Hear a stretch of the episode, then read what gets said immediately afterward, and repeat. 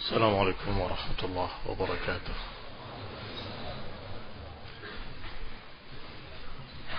إن الحمد لله نحمده ونستعينه ونستغفره ونعوذ بالله من شرور أنفسنا ومن سيئات أعمالنا. من يهده الله فلا مضل له ومن يضلل فلا هادي له وأشهد أن لا إله إلا الله وحده لا شريك له وأشهد أن محمدا عبده ورسوله صلى الله عليه وعلى آله وأصحابه والتابعين وتابع التابعين ومن تبعهم بإحسان إلى يوم الدين. يا أيها الذين آمنوا اتقوا الله حق تقاته ولا تموتن إلا وأنتم مسلمون. يا أيها الناس اتقوا ربكم الذي خلقكم من نفس واحدة وخلق منها زوجها وبث منهما رجالا كثيرا ونساء. واتقوا الله الذي تساءلون به والأرحام. إن الله كان عليكم رقيبا. يا أيها الذين آمنوا اتقوا الله وقولوا قولا سديدا. يصلح لكم أعمالكم ويغفر لكم ذنوبكم ومن يطع الله ورسوله فقد فاز فوزا عظيما. أما بعد فإن خير الحديث كتاب الله وخير الهدي هدي محمد صلى الله عليه وعلى آله وسلم وشر الأمور محدثاتها. فإن كل محدثة بدعة وكل بدعة ضلالة وكل ضلالة في النار إخواني في الدين أعزكم الله كمسلمين رحمني ورحمكم الله Sebagaimana sering kita sampaikan dulu Mudah-mudahan masih ingat Bahwa fitnah sururiyah bukan fitnah yang terakhir akan muncul fitnah lainnya yang lebih dahsyat. Ketika muncul fitnah berikutnya dalam bentuk talawun, dalam bentuk-bentuk lain, mulai. Mereka mengira bahwa ini fitnah yang dahsyat. Saya katakan sekali lagi waktu itu. Sebentar lagi akan ada fitnah yang lebih dahsyat. Ini bukan fitnah yang terakhir. Karena memang fitnah demi fitnah akan terus berdatangan selama kita hidup di dunia. Maka muncul fitnah berikutnya, fitnah para musafikin. Fitnah tuduhan tak berdasar. Fitnah penjatuhan nama baik terhadap ulama ahli sunnah. Ikhwan ibn a'azakumullah, kaum muslimin rahimani wa rahimakumullah. Walaupun mirip bentuk fitnahnya dengan fitnah haddadiyah. Mirip memang. Sehingga dikatakan kepada Syekh Rabi apakah ini seperti haddadiyah? Kata Syekh Rabi hafizahullah. Akhas minal haddadiyah. Lebih jelek lagi dari haddadiyah. Kita tahu di antara penyimpangan haddadiyah adalah menjatuhkan para ulama dengan ketergelinciran mereka dan menghilangkan jasa bahkan membuang kitab-kitab para ulama hanya karena ada zallah di dalamnya. Sampai mereka berdatangan pada Syekh bin Bas waktu itu. Apakah kita perlu buang Fathul Bari? Karena di dalamnya ada pemikiran atau ada takwil-takwil di dalamnya. Kata Syekh bin Bas dengan arif dan bijak menyatakan nanti sampai kalian bisa membuat yang lebih bagus dari ini. Ikhwan ibn a'azakumullah muslimin rahimani wa rahimakumullah. Haddadiyah menjuluki beberapa ulama seperti Syekh Rabi dengan irja. Dengan tidak sopan mereka memanggil dalam situsnya ya Rabi, ya Murji. Itu Haddadiyah. Ternyata akhir-akhir ini yang hampir sudah hilang nama Haddadiyah atau hampir tidak dibicarakan lagi karena tidak laku. Tiba-tiba muncul kembali. Dan kemudian berkata dengan memakai ucapan seorang alim katanya. Menyatakan ya Rabi, ya Murji, ini sekarang saudaramu, temanmu, orang dekatmu. Muhammad bin Hadi mengatakan begini dan begini. Yang menunjukkan bahwa engkau adalah orang yang demikian dan demikian. Yang benar-benar murji. Istaghallu. Mereka mendapatkan keuntungan dengan itu. Dengan penyimpangan Muhammad bin Hadi. Mendapatkan sesuatu. Dia bawa di situsnya untuk ditabrakkan kepada Syekh Rabi. Syekh Rabi seorang alim minal ulama. Seorang yang kabir fil ilmi wa kabir fil sinni. Maka tidak langsung kemudian menyatakan bahwa engkau bersama Haddadi tidak. Tidak langsung seperti itu. Itu caranya mereka. Adapun orang tua yang bijak yang berilmu memanggilnya, menasehatinya. Dinasehati. Bahwa ucapanmu menyelisihi sekian para imam. Ucapanmu bertentangan dengan para imam-imam ahlu sunnah fulan wa fulan wa fulan. Aina anta minhum? Itu pertanyaan Syekh Rabi. Di mana kamu dibandingkan mereka? Saya nggak ada apa-apanya. Taib. Kalau begitu, cabut ucapanmu. Syekh Abdullah Al-Bukhari yang waktu itu hadir berkata kepadanya, kamu ucapkan di dalam kajian yang sama karena rutin dan kemudian kamu bantah Haddadiyah. Supaya kamu tabarra berlepas diri dari Haddadiyin. Iya. Janji mau mencabutnya. Sampai hari ini belum dicabut. Muslimin rahimani wa. Ini sesungguhnya mukaddimah. Kenapa kita perlu membahas tentang kedudukan ulama dan siapa ulama?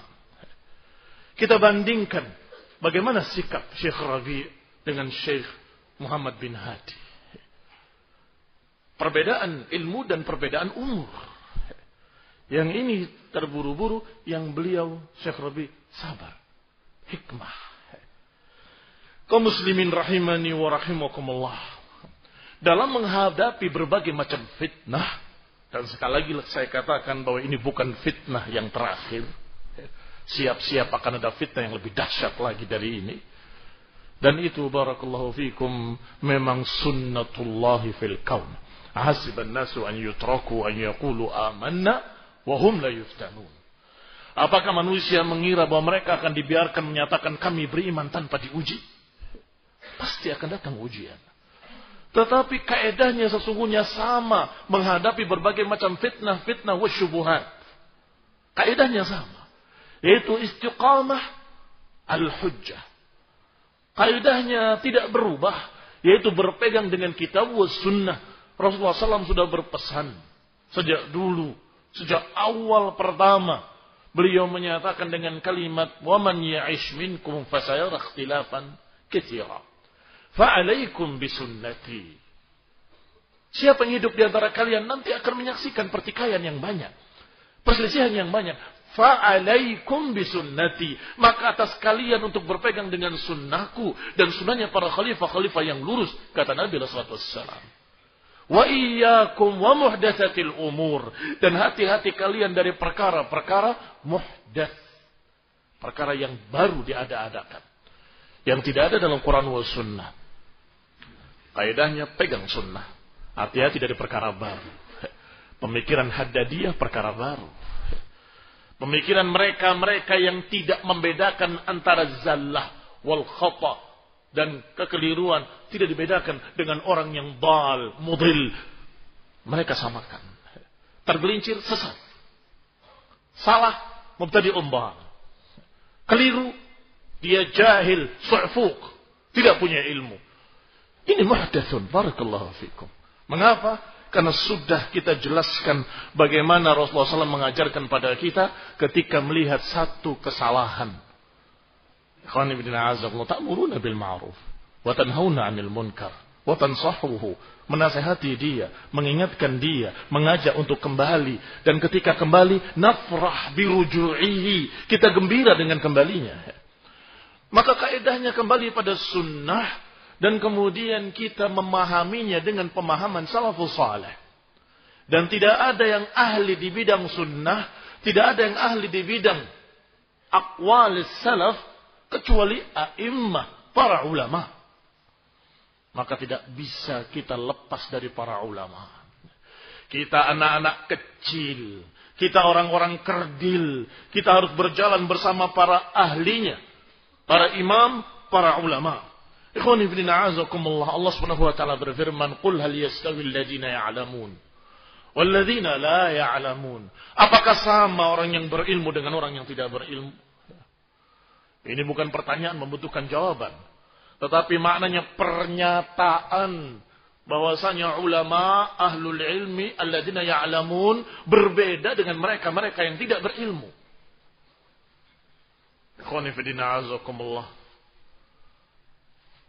Rasulullah Shallallahu Alaihi wa ala alihi Wasallam juga menyatakan fadlul alimi ala al-abid ka fadli ala adnakum. Rahu Dawud Ibnu Majah dan Tirmidzi.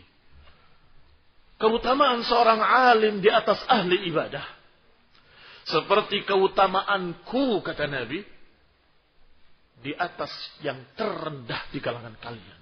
Berarti jauh sekali. Kafadli seperti keutamaanku di atas orang-orang yang terendah di antara kalian. Mengapa demikian? Karena memang al-ilmu warasatul anbiya. Yang namanya ilmu itu warisan dari para anbiya. Wal ulama pewaris-pewarisnya. Para ulama yang mengambil warisan para anbiya yaitu ilmu.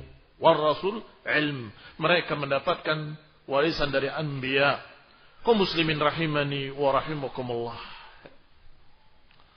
Maka seorang yang alim adalah orang yang dalam keadaan memiliki ilmu wal fiqh. Dan ini keistimewaan mereka para ulama. Tetapi ciri mereka terus tolabul ilmi. Terus mencari ilmu. Terus menimba ilmu. Tidak pernah sombong menyatakan saya sudah cukup. Tidak pernah. Berkata Sa'id bin Jubair rahimahullah. La yazalu rajul aliman ma ta'allama. Seorang akan terus dikatakan alim selama dia terus belajar. Faidah tarakal ilm. Kalau dia berhenti mencari ilmu. Wa dhanna annahu qad istaghna. Dan dia menduga bahwa dia sudah cukup. Waktafa bima indahu. Dan merasa cukup dengan apa yang dia punya fahuwa ajhalul jahilin. Saat itu dia menjadi orang yang terbodoh. Ajhal ma yakun. Demikian kata Ibnu Jubair, Sa'id Ibnu Jubair rahimahullahu taala sebagaimana dinukil dalam Al-Fawaid Al-Muntaqah. Kaum muslimin rahimani wa rahimakumullah. Al-ilmu tertinggi. Maka orang yang berilmu kedudukannya juga tinggi. Laisa syai' a'azzu minal ilm. Tidak ada sesuatu yang lebih tinggi dari ilmu. Al-muluk, para penguasa, para raja. Hukamun ala nas. Mereka pemimpin, mereka penguasa atas manusia. Tetapi al-ulama hukamun ala al-muluk. Sedangkan para ulama, hakimnya para raja dan para penguasa. Setiap penguasa mesti punya penasehat. Siapa penasehatnya? Orang berilmu. Yang alim. Yang memiliki ilmu. Khususnya ilmu din. Ilmu agama. Demikian dikatakan oleh Abul Aswad Ad-Du'ali. Demikian pula dikatakan ciri berikutnya dari para ulama adalah arhamun nas. Alim yang berilmu akan sayang pada manusia. Ketabib, seperti dokter kepada pasiennya. Kalau dokter bersikap pada pasien dengan sikap yang kasar, bukan sembuh. Semakin rusak. Semakin sakit. Maka dikatakan oleh Yahya bin Mu'ad, Al-ulama arham bi ummati Muhammadin SAW min abaihim wa ummahatihim. Bahwa para ulama lebih rahmat kepada umat Nabi Muhammad SAW dari bapak-bapak mereka sendiri dan dari ibu-ibu mereka sendiri. Mereka bertanya kepada beliau, Kaifa dhalik? Bagaimana mungkin lebih sayang pada mereka daripada ibu bapak mereka? Iya, Lianna aba'ahum wa ummahatihim yahfadunahum min narid dunya. Karena bapak-bapak mereka, ibu-ibu mereka menjaga anak-anaknya dari api dunia. Sedangkan para ulama menjaga umat dari api akhirat. Mana yang lebih mengerikan dan lebih berbahaya? Narul dunia atau narul akhirah? Tentunya narul akhirah lebih mengerikan. Maka yang dipikirkan oleh para ulama, bagaimana umat selamat dari naril akhirah. Bagaimana umat selamat dari penyimpangan dan kesesatan. Bukan berjalan dengan dendam. Bukan berjalan dengan emosi. Bukan berjalan dengan keuntungan pribadi. Atau kalau dia tersinggung dia akan sikat habis. Kalau dia cocok dia akan puji-puji. Tidak. Ukurannya bukan itu. Ukurannya bagaimana manusia bisa selamat dari penyimpangan-penyimpangan. An-nasihah Ad-din nasihat. Ad-dinun nasihat. Ad-dinun nasihat. Diulang-ulang oleh Nabi tiga kali. Liman ya Rasulullah lillah. Untuk Allah subhanahu wa ta'ala ikhlas. Wali rasulih dalam rangka mentaati sunnah Rasulullah SAW. Wali aimatul muslimin. Dan untuk para penguasa dalam rangka taat pada penguasa. Dan kemudian untuk seluruh amatihim kepada keumuman manusia. Bisa dibayangkan kalau tidak ada ulama. Apa yang terjadi di masyarakat ketika tidak ada ulama? Kata Hasan al-Basri rahimahullah, Aulal ulama lasaran nas misal bahaim. Kalau saja nggak ada para ulama, niscaya manusia seperti binatang ternak. Dan ini tidak berlebihan. Ucapan Al-Hasan Al-Basri dalam Muhtasar Nasihah Ahlul Hadis halaman 167 ini tidak berlebihan. Memang manusia tanpa bimbingan ilmu dari para ulama, niscaya mereka nggak tahu mana mahram, mana yang bukan mahram. Seperti binatang ternak, ada pasangan lawan jenisnya dia akan kawini. Tidak tanya dia siapa, bapaknya siapa, turunan siapa, apakah masih ada hubungan kerabat atau tidak ada hubungan kerabat, nggak dibahas itu. Bayangkan para manusia tanpa ulama, tidak ngerti mana mahram, mana yang boleh dinikahi, mana yang tidak boleh dinikahi. Ini baru satu contoh, masih ada sekian syariat yang mengerikan. Yang kata Ibnu Mas'ud radhiyallahu taala anhu, niscaya suatu saat wanita akan salat wa hunna huyyad Niscaya pada suatu saat ketika tidak ada ilmu, mereka para wanita akan salat dalam keadaan mereka haid. Sekarang lihat. Sekian banyak orang dalam keadaan ada ulama. Dalam keadaan ada ilmu. Di masjid-masjid dikaji. Tapi toh banyak para wanita yang nggak ngerti tentang hukum haid. Banyak manusia yang tidak ngerti tentang mana mahram, mana bukan mahram. Kata Sufyan al-Thawri rahimahullah. Al-a'malu sayyi'ah da'un. Amalan-amalan jelek itu da penyakit. Lebih-lebih lagi amalan jelek itu penyimpangan-penyimpangan, kebidahan-kebidahan atau kesyirikan-kesyirikan. Da. Wal ulama udawa. Kata Thawri rahimahullah. Sedangkan ulama adalah obatnya. Faida fasadal ulama faman yashfidda. Kalau ulamanya yang rusak, siapa yang akan menyembuhkan? Para ulama, obatnya. Tetapi Nasallallahu salam al Kalau ada seorang yang berilmu, ternyata dia tidak beradab. Atau orang yang berilmu, tetapi dia dalam keadaan tidak mengamalkan ilmunya. Faman yashfidda. Siapa yang akan menyembuhkan kata Sufyan ats-Tsauri rahimahullah. Waqala dan juga beliau berkata rahimahullah, "Mathlal alim, mithl tabib." Permisalan seorang ulama seperti seorang dokter. La yada'ud dawa illa ala mawdi'id da. Permisalan ulama, kata beliau, seperti dokter. Dia akan meletakkan obat pada penyakitnya yang pas. Ini barakallahu fikum karena alim. Tetapi kalau tidak alim, dia akan meletakkan satu obat tidak pada tempatnya. Dengan dosis yang salah. Yang seharusnya dinasihati dengan baik-baik, dia sikat seperti ahlul bid'ah.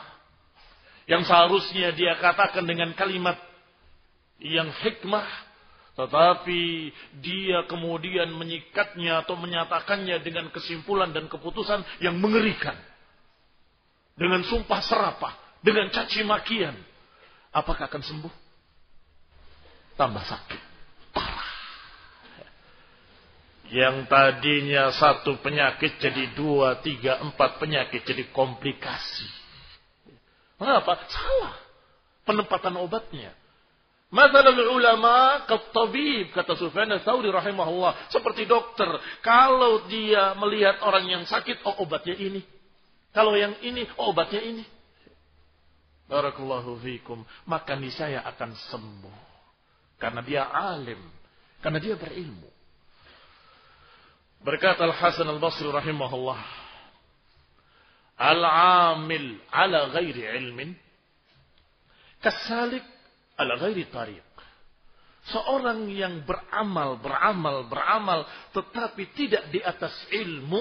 Tidak dengan bimbingan ilmu maka niscaya dia seperti orang yang berjalan tidak di jalannya. Artinya, kalau dia memiliki satu tujuan, dia jalannya ke jalan yang lain, bukan ke tujuan tadi. Walamil ala ghairi ilmin. Orang yang beramal tanpa ilmu, tanpa bimbingan ilmu, yufsid. Akthar mimma yuslih. Orang yang beramal tanpa ilmu, berbicara tanpa ilmu, bersikap tanpa ilmu, memutuskan tanpa ilmu, niscaya yufsid akthar akan lebih banyak merusak daripada memperbaiki. Maunya memperbaiki malah hancur. Maunya dia menasehati, tetapi karena porsinya yang salah, kemudian terjadilah pertikaian, perpecahan dan fitnah azimah. Yufsid akthar mimma yuslih Qala berkata beliau selanjutnya Al Hasan Al Basri, "Fatlubul ilm, maka carilah ilmu. Falaban la yadur bil ibadah. Carilah ilmu terus tetapi tidak meninggalkan ibadah, pengamalan ilmu tersebut. Watlubul ibadah. Dan beribadahlah. Semangatlah beramal. Talaban la yadurru bil ilmi. Tetapi jangan menyia-nyiakan talabul ilmi. Sejalan. Ya. belajar beramal belajar beramal ambil ilmu kerjakan. Dengarkan ambil kerjakan. Ini ikhwani fid din azakumullah bimbingan para ulama. Fa inna qauman talabul ibadah wa tarakul ilm. Sebagian manusia Katanya mencari ibadah-ibadah tapi meninggalkan ilmu. Hatta kharaju bi asyafihim ala ummati Muhammadin sallallahu alaihi wasallam. Akhirnya mereka justru menghunuskan pedang-pedang mereka memerangi kaum muslimin, umat Muhammad sallallahu alaihi wa ala alihi wasallam. Karena kurang ilmu. Semangat beribadah tanpa ilmu, semangat berdakwah tanpa ilmu, semangat berjuang-berjuang tanpa ilmu. Walau talabul ilmi, kalau saja dia mencari ilmu dan belajar, terbimbing dengan ilmu dari para ulama, lam yadullahum ala ma fa'alu. Niscaya mereka tidak akan terarah kepada apa yang mereka lakukan. Tidak akan mengarah pada apa yang mereka lakukan, yaitu memusuhi, memerangi kaum muslimin. Ikhwani fi din, a'azakumullah kaum muslimin rahimani wa rahimakumullah. Memang fitnah kalau datang, yang tahu hanya ulama. Nanti kalau sudah pergi, baru juhala mengetahui. Oh, ternyata itu fitnah. Sebagaimana dikatakan oleh Ruzaik ibni Abi Ruzaik. Kata beliau, aku mendengar Al-Hasan ibni Abil Hasan Al-Basri rahimahullah mengatakan. Inna hadihil fitnah. Ida akbalat arafaha al-ulama. Fitnah-fitnah itu ketika datang. Yang tahu para ulama. Inilah maka saya katakan tadi berpegang dengan kitab sunnah dengan pemahaman salaf melalui para ulama a'immah. Mengapa? Karena ketika datang fitnah arafaha al-ulama. Wa idza adbarat arafaha kullu jahil. Arafaha kullu jahil. Ketika sudah pergi baru diketahui oleh orang-orang yang bodoh. Oh ternyata kemarin itu fitnah ya. Terlambat. Telat kamu. Baru tahu sekarang. Ikhwan ibn Alhamdulillah kalau dia kemudian tahu walaupun terlambat. Mudah-mudahan bisa selamat. Yang menyedihkan adalah mereka yang terus dalam fitnah dalam keadaan tidak sadar. Dalam keadaan tidak tahu, dalam keadaan merasa ini yang hak, ini yang hak, ini yang hak. Limana? Mengapa? Karena dia tidak bertanya pada ahlinya yang alimun, yang berilmu, yang sudah teruji ilmunya dalam sekian banyak fitnah sepanjang masa, yang sudah putih jenggotnya di dalam perjalanan sunnah, yang sudah renta tulang belulangnya dalam perjuangan tauhid was sunnah, di dalam dakwah, dalam menghadapi berbagai macam ahlul dalal. Masya Allah. Sudah 90 tahun Syekh Rabi.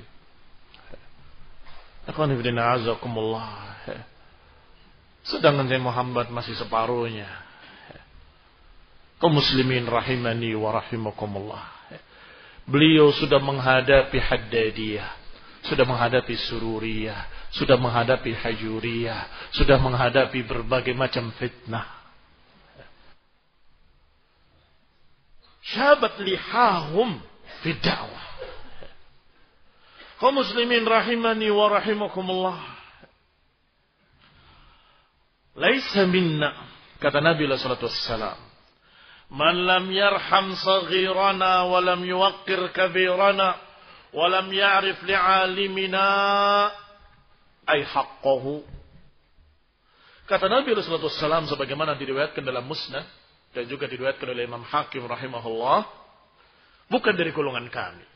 Siapa yang tidak merahmati orang-orang yang kecil, yang lebih muda daripadanya, dan yang tidak memuliakan orang-orang yang lebih tua, wa ya'rif li'alimina dan tidak mengenali orang-orang alim Disebutkan di sini, yakni haqqahu, yakni haknya, kata Rawi. Laisa minna, ini ancaman. Bahkan disebutkan ancaman laisa minna, berarti dosanya dosa besar. Laisa minna, bukan dari golongan kami siapa yang tidak menyayangi yang kecil, tidak memuliakan yang lebih tua, dan tidak mengenali haknya para ulama. Tidak mengenali haknya para ulama. Ikhwani fi din, a'azzakumullah kaum muslimin rahimani wa rahimakumullah. Dulu di zaman fitnah ikhwanul muslimin, yang lebih tepat dikatakan ikhwanul muflisin. Apa yang mereka katakan untuk menjauhi ulama? Masyayikh tidak tahu urusan kita di sini. Masyayikh tidak mengerti, belum dengar mereka itu tidak tahu al-asriyah. Nggak tahu takofah islamiyah, wawasan. Tidak tahu. Hanya kitab, kitab, kitab, kitab, kitab. Nggak tahu wawasan politik. Berpindah pada fitnah Suriah, sama. Kalimatnya setali tiga uang. Berbeda lafal, satu makna.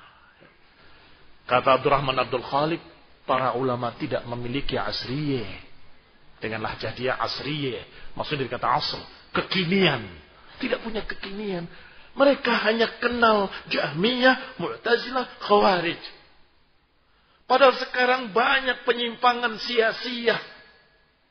Syirik politik katanya. Ila akhir. Sama ulama yang disikat. Semakin kemari juga muncul yang lebih halus lagi. Sama menyatakan begitu. Ternyata di fitnah ini juga sama. Mereka menyatakan Syekh Robi sudah tua. Maksudnya apa? Sama. Jangan dari Syekh Robi ambilnya. Dari yang muda. Ikhwan ibn azakullah ingat mereka. Tokoh-tokoh sururiin dulu yang katanya ulama. Bahkan dijuluki dengan Syekhul Islam abad 20. Syekhul Islam abad 20 siapa? Tokoh mereka. Yang mereka katakan ulama Syekhul Islam Ibn Taimiyah abad 20 ila akhirnya Salman Audah dan Ibnu Qayyim abad 20-nya Aid al-Qarni. Karena sering bicara hati, bicara syair-syair sampai kebablasan. Nah, kebablasan ada kesyirikan di dalamnya karena memuji-muji Nabi berlebihan. Padahal mereka umurnya masih sangat muda. Dan mereka memiliki a'imah para ulama kibar. Dan dia selisihi seluruhnya. Para ulama ini terbawa katanya. Dengan penguasa. Para ulama ini digitukan. Dan kemudian orang-orang yang di bawahnya terbawa. Mengira bahwa ulama ini nggak ada apa-apanya. Ini yang alim. Sebentar. Seperti Fata Morgana kemudian lewat. Hilang lenyap. Mana Syekhul Islam abad 20? Mana karyanya? Mana hasilnya? Ikhwan ibn a'azakumullah wa amma zabadu fayadhabu jufa'a wa amma ma yanfa'un nas wa yankuthu fil ardi. Adapun apa yang merupakan buih akan hilang sirna. Adapun yang bermanfaat yamkuthu fil ard akan terus di muka bumi dan terus bermanfaat. Kitab-kitabnya terus dibaca. Berapa karyanya Syekh Rabi? Kitab, kitab, kitab, kitab.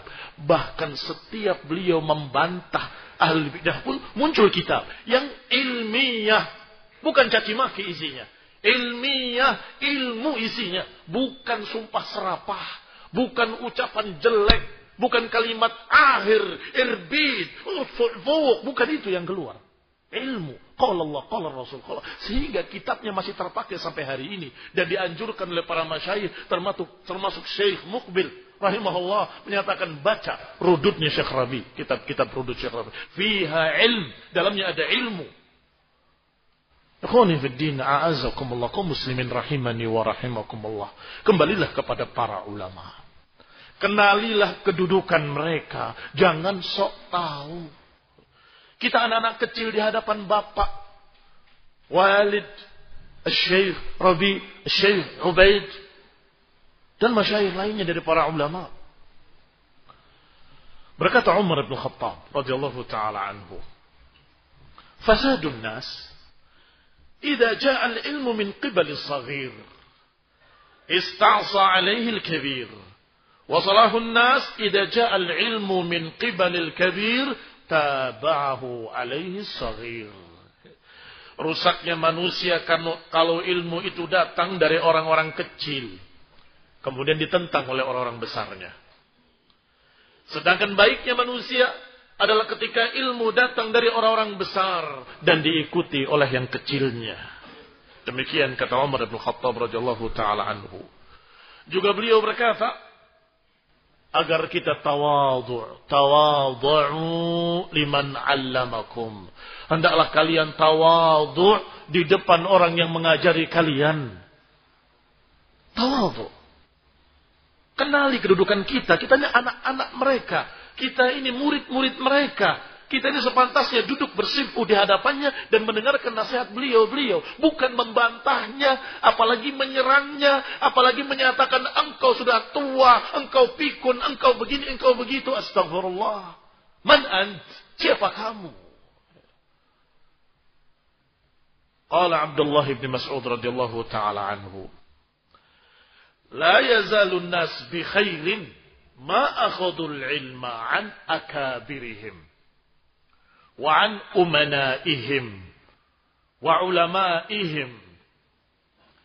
Kata beliau radhiyallahu taala anhu sebagaimana dinukil dalam Al-Madkhal halaman 275 oleh Al-Baihaqi rahimahullah dan juga dalam nasihat ahli hadis dan dinukil dalam Faidul Qadir.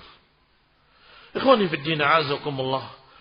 Bahwasanya beliau menyatakan Abdullah bin Mas'ud radhiyallahu taala anhu, manusia akan tetap dalam keadaan baik. Selama mereka mengambil ilmu an akabirihim dari orang-orang besarnya. Wa an umanaihim dan orang-orang yang terpercaya amanah. Wa ulamaihim dan orang-orang berilmu. Baik. Kata beliau manusia akan dalam keadaan baik selama mereka mengambil ilmu dari orang-orang yang memiliki tiga sifat ini. Akabir, umana, ulama. Kalau amanah sudah ma'ruf maknanya. Menyampaikan amanah yang ada di pundak-pundak mereka. Menjelaskan yang hak adalah hak, yang batil adalah batil. Yang benar adalah benar, yang salah adalah salah. Tapi makna akabir. Apa kira-kira?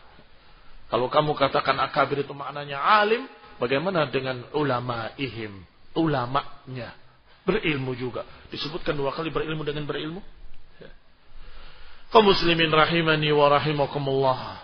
Ibnu Qutaibah Ad-Dainuri menyatakan makna akabir bukan hanya ilmunya, umurnya. Yani mereka yang kabirus sinni fil ilmi. Besar ilmunya dan besar umurnya di dalam ilmu. Apa keuntungannya? Masalah umur. Bukankah, bukankah, bukankah kata mereka dengan logika. Padahal yang namanya sin sekian banyak hikmah di dalamnya. Kita bacakan ucapan Ibnu Qutaibah Ad-Dainuri rahimahullah tentang makna akabir. Qala Abdullah ibn Muslim ibn Qutaibah Ad-Dainuri rahimahullahu taala yuridu yang dimaksudkan oleh beliau la yazalun nas bi khairin ma kana ulama'uhumul masyayikh manusia dalam keadaan baik selama mereka berpegang dengan ulama yang masyayikh yang sudah sepuh. Walam yakun ulama'uhumul ahdath. Tidaklah ulama mereka anak-anak ahdath. Masih muda-muda. Bukan. Ikhwani fidina azakumullah. Rasulullah SAW berbicara tentang khawarij. Apa sifat mereka? Hudathaul asnan. Hudathaul asnan. Muda-muda umurnya. Baik. Rasulullah Shallallahu Alaihi wa ala alihi Wasallam menyikapi mereka atau menyifati mereka seperti itu. Juga Abu Hurairah pernah mengatakan aku dibisikkan oleh kekasihku Rasulullah SAW tentang sesuatu yang aku kalau sampaikan laqata'a hadzal hulqum kalau aku sampaikan akan putus urat leherku ini, aku akan dipenggal. Sampai ada yang penasaran bertanya kepadanya, maksudmu apa? Dikabarkan oleh Nabi, akan datang nanti penguasa yang muda-muda, muda lagi. Dan itu untuk menjelekkan.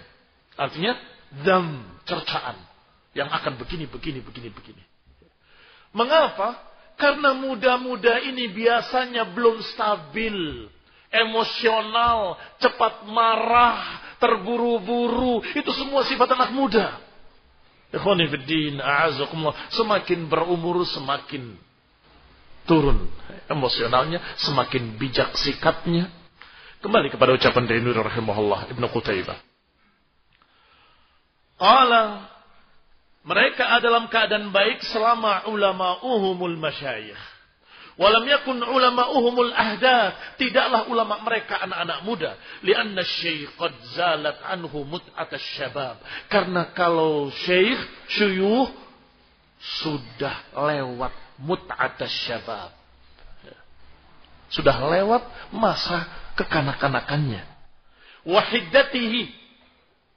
Kencengnya yang berapi-api kadang kebablasan sudah mulai reda. Wa ajalatihi dan keterburu-buruannya akan berkurang. Wasafahihi dan kebodohannya pun berkurang. semakin berumur, semakin ilmu, semakin berpengalaman, semakin tahu, semakin mengerti keadaan umat dengan lengkap, maka semakin hikmah, hilang safa. Wastashabat tajrubah wal khibrah.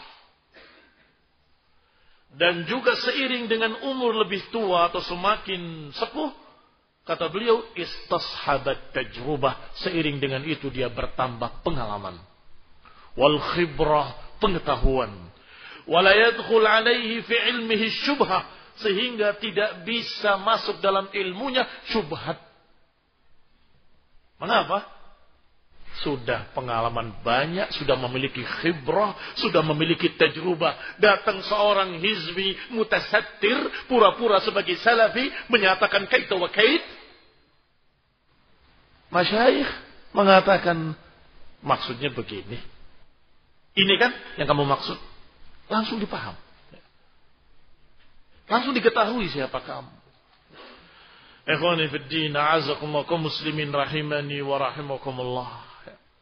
Wa la yaghlib alaihi hawa dan biasanya orang tua tidak bisa dikalahkan oleh hawa nafsu. Diiming-iming dunia, oh saya sudah mau mati.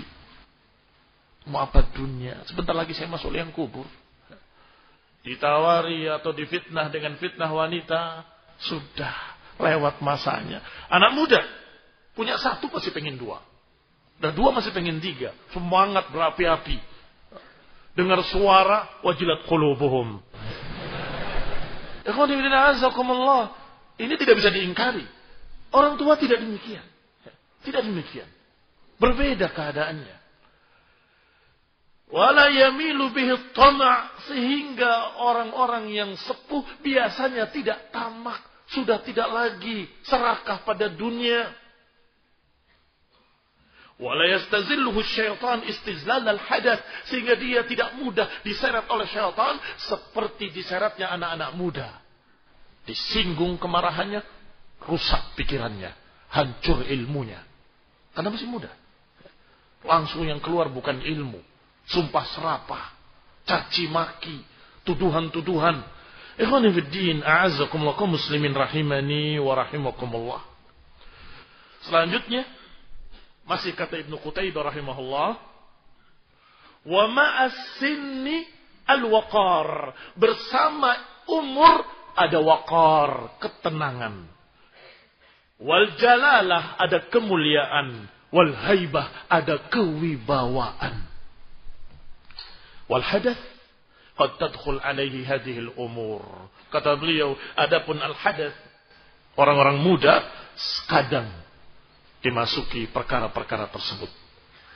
Sering dimasuki perkara-perkara tersebut. Dan ini keterburu-buruan, ya, emosional, tidak pengalaman. Wah, ternyata salah ya. Wah, nanti lain kali jangan begini. Karena belum tahu. Belum berpengalaman. Sehingga barakallahu fikum kalau ada orang-orang muda atau ulama muda tetapi tetap meminta bimbingan ulama kibar maka dia tidak dianggap sihor. Kenapa? Karena dia selalu dibimbing. Apakah tembok ini keras? Saya mau tabrak. Pengen tahu. Setelah berdarah-darah, iya ternyata keras sekali tembok ini. Kalau saja dia meminta bimbingan kibar, akan mengatakan kami sudah pengalaman, ini keras, jangan. Selamat, nggak perlu pakai berdarah. Ini contoh yang gampang dipaham. Artinya dalam menyikapi sekian kejadian, sekian fenomena, sekian fitnah. Kalau engkau coba-coba, kan anak muda coba-coba karena dia tidak tahu. Ternyata salah. Sudah mengorbankan sekian banyak orang. Tetapi kalau dari awal bertanya ya masyayikhana, ya sadatal ulama, wahai para ulama, kami meminta bimbingan kepadamu terjadi di negeri kami fitnah begini begini begini. Aftuna ma'jurin, berikan fatwa kepada kami, semoga Allah berikan pahala kepadamu. Mereka akan menjawab bimbingan dengan ilmu dan pengalaman. Pernah terjadi demikian di Aljazair. Sabarlah kalian. Tetap di tempat kalian tenanglah kalian. Dan kebetulan saya pernah datang di tempatnya Syekh Rabi, datang orang-orang dari maghrib. Bagaimana ya Syekh? Kita ini sabar, jangan melawan. Ya Syekh, rumah kami didatangi oleh mereka. Pergi kamu. Pindah. Cari tempat yang aman. Dari mana beliau menjawab seperti itu? Dari ilmu. Rasulullah SAW selalu menyatakan isbiru, isbiru, isbiru. Dan para a'immah menyatakan ittafaqal ulama. Seperti ucapan Nawawi rahimahullah. Ittafaqal ulama. Sepakat para ulama. Laisa minas sunnah. Tidak termasuk sunnah melawan penguasa. Tidak termasuk sunnah. Bagaimanapun keadaannya melawan penguasa. Ini Syekh Rabi' Hafidahullah Ta'ala. Sedangkan Syekh yang muda berkata, bagus kamu, lawan mereka. Siapa Usama Atoya? Sahih. Sampai Syekh Rabi' menyatakan, ada fatan, tukang fitnah. Sadaqah. Hafidahullah Ta'ala. Benar Syekh Rabi' bahwa dia fatan. Ikhwani fiddin hazakumullah. Kamu anak muda, kenapa nggak tanya kepada para a'immah kibar? Kamu murid di hadapan mereka. Syekh kamu itu di bawahnya anak-anak beliau. Kenapa nggak tanya? Kenapa merasa gagah kalau bisa menyelisihi masyayikh?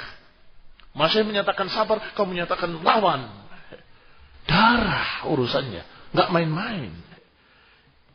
Yang lain lagi, gurunya apa ya? Tokohnya menyatakan dengan pujian. Bagus. Walaupun gak nyuruh. Apa itu maknanya? Ikhwani fiddin, a'azakumullah, kaum muslimin rahimani wa rahimakumullah. Kalian akan tahu insyaAllah.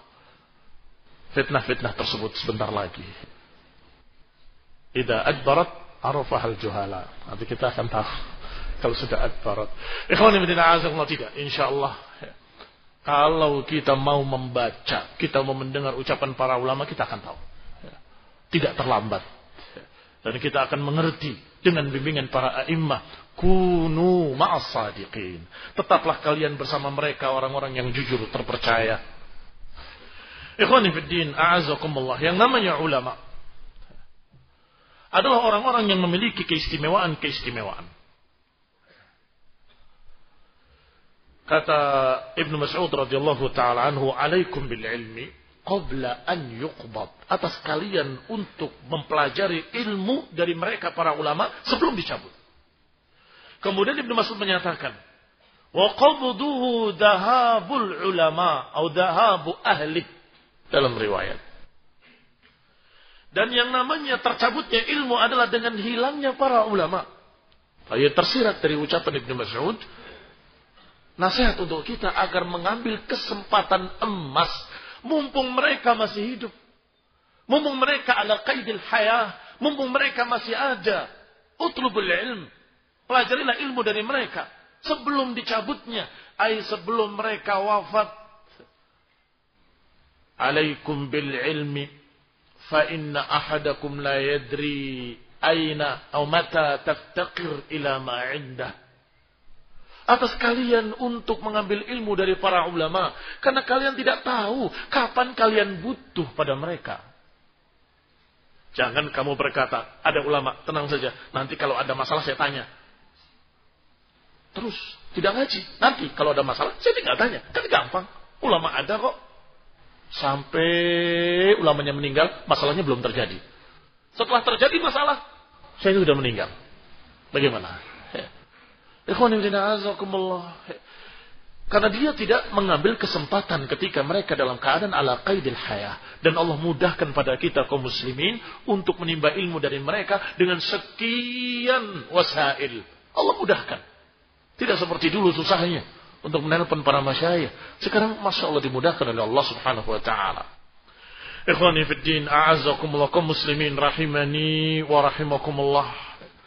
Allah Subhanahu wa taala menyatakan ulaika alladziina hadallah fabihudahu muqtadi. Mereka itu adalah orang-orang yang diberi hidayah oleh Allah. Fabihudahu muqtadi. Maka dengan petunjuk mereka hendaklah kalian ikuti.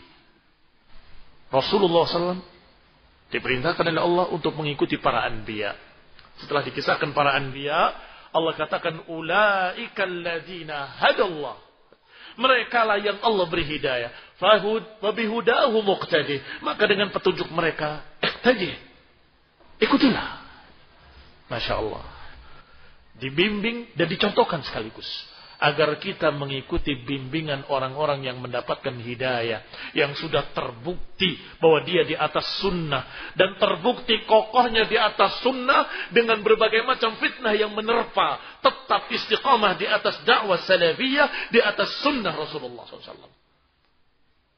Ini ulama dan itulah yang sudah terlihat bahwa dia adalah orang yang pantas diikuti. Wabihudahu muqtadih. Maka ikutilah mereka. Ketika Rasulullah SAW menyatakan la tazalu ta'ifatun min ummati bahirina alal haqqi mansurun akan tetap ada dalam umatku atau di tengah umatku selalu ada sekelompok orang yang berada di atas kebenaran yang tegak di atas hak yang selalu dimenangkan oleh Allah Subhanahu wa taala. Hati-hati Allah. Manhum? Siapa mereka? Lihat syarahnya dari para ulama, semua menyatakan humul ulama. Mereka adalah ulama siapa?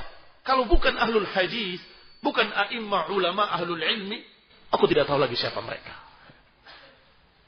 Artinya barakallahu fikum kalau fulan dan fulan, saya dan kamu pas-pasan rawan.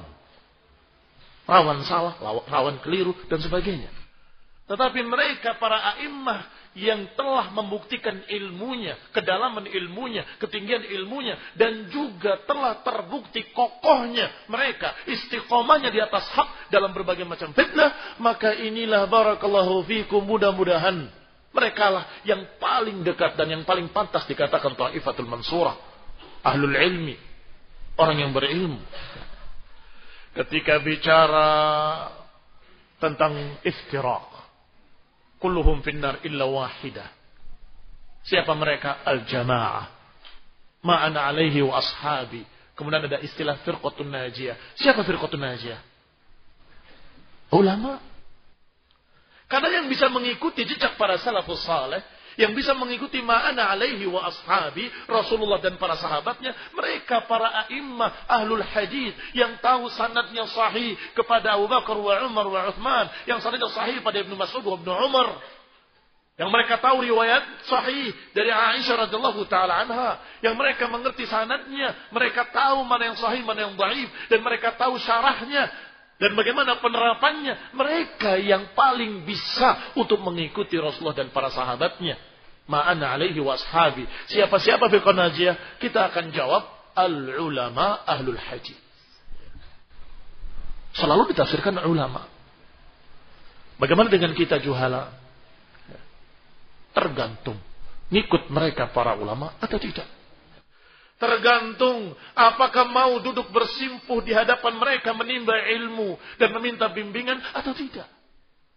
Apakah kita ikut mereka dan iktadih Mengikuti jejak mereka atau kita sok tahu dan menentang para imam. Ikhwani fi din, a'azakumullah. Man yuridillahu bihi khaira. Yufaqihu fi din. Siapa yang Allah kehendaki dengan kebaikan, Allah akan fakihkan dalam agama. Berarti siapa yang yuridillahu khaira? Berarti siapa yang Allah kehendaki dirinya dengan kebaikan? Humul ulama al-fuqaha.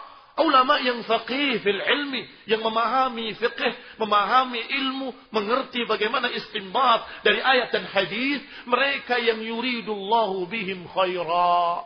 Mereka yang Allah kehendaki padanya kebaikan. Ikhwani fiddina azakumullah sehingga kita ingin mengikuti jejak mereka mengkaji ilmu dari mereka, menimba ilmu dari mereka, meminta bimbingan mereka. Wabil khusus ketika fitnah-fitnah terjadi, tanyakan pada mereka bagaimana sikap kami.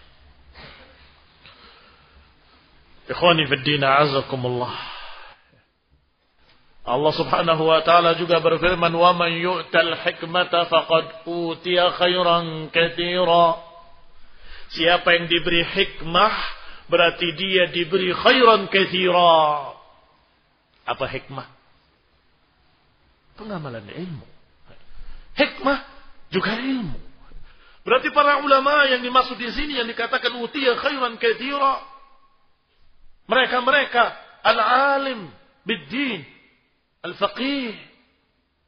Para ulama sehingga karena mengerti ayat dan hadis, karena alim bisyarhiha, karena alim bitafsiriha, karena alim bistimbatatiha, maka mereka akan menerapkan sesuatu dengan tepat, memutuskan dengan tepat, melangkah dengan tepat sesuai hikmah. Tidak kebablasan, tidak berlebihan, tidak ekstrim, tidak berkurang-kurangan. Karena mereka berjalan ala ilmin mereka berjalan di atas ilmu. Adapun siapa yang lam yu'tal hikmah. Siapa yang tidak diberi hikmah akan berjalan dengan hawa. Atau akan dikalahkan oleh hawa. Dia mengatakan dalam dirinya bahwa ini benar menurut saya. Padahal itu hawa nafsu. Akhirnya kebablasan.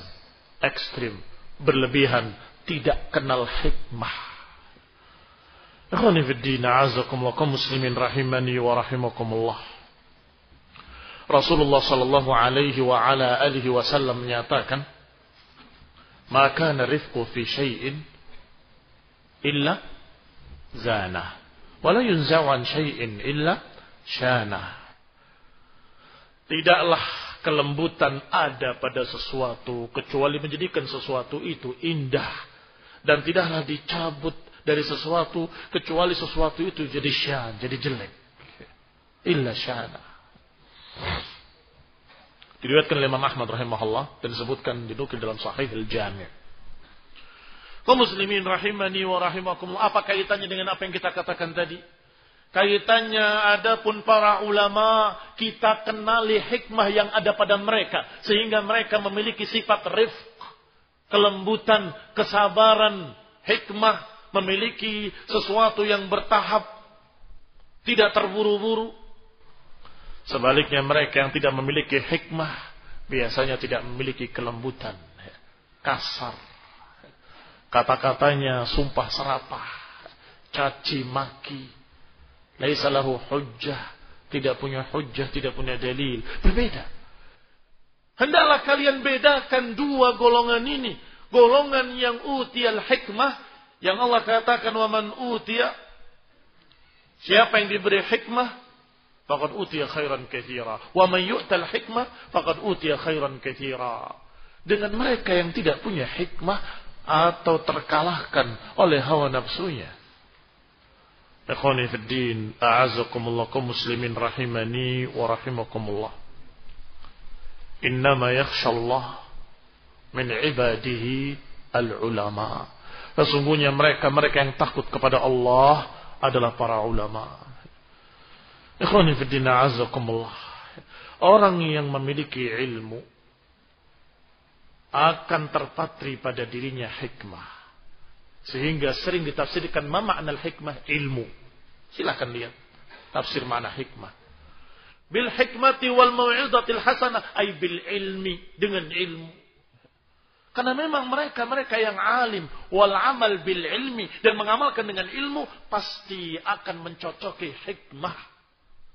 Sedangkan mereka yang menyelisihi ilmu atau kurang ilmu, maka dia akan tergelincir di dalam perkara yang sebaliknya.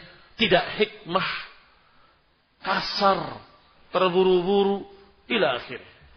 Bahkan tidak memiliki kelembutan Ikhwani fi din, a'azzakum lakum muslimin rahimani wa rahimakumullah.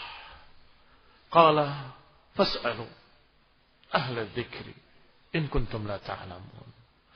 Tanyakanlah kepada mereka-mereka orang-orang yang berilmu ahlu dzikr in kuntum la ta'lamun ay ahlul Quran, ahlul ilm. Mereka-mereka yang mengerti ayat-ayat Allah Subhanahu wa taala. Sehingga Allah subhanahu wa ta'ala akan membimbing dia kepada hikmah dan keadilan. Ketika Allah subhanahu wa ta'ala menyatakan, Kunu qawwamina bil qisti syuhada'a Atau kunu qawwamina lillahi syuhada'a bil qisti. Ada dua ayat. Satu dalam surat Al-Maidah Yang berikutnya dalam surat An-Nisa.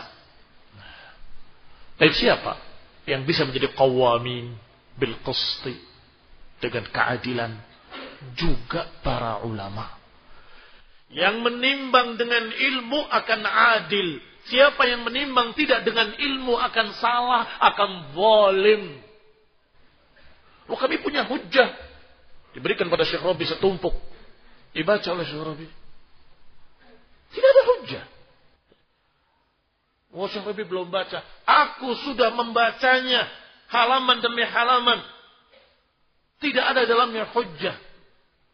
Ya, ini tidak ada hujjah yang bisa diterima. Tidak ada dalil. Ikhwan ibn a'azakumullah. Sarfar.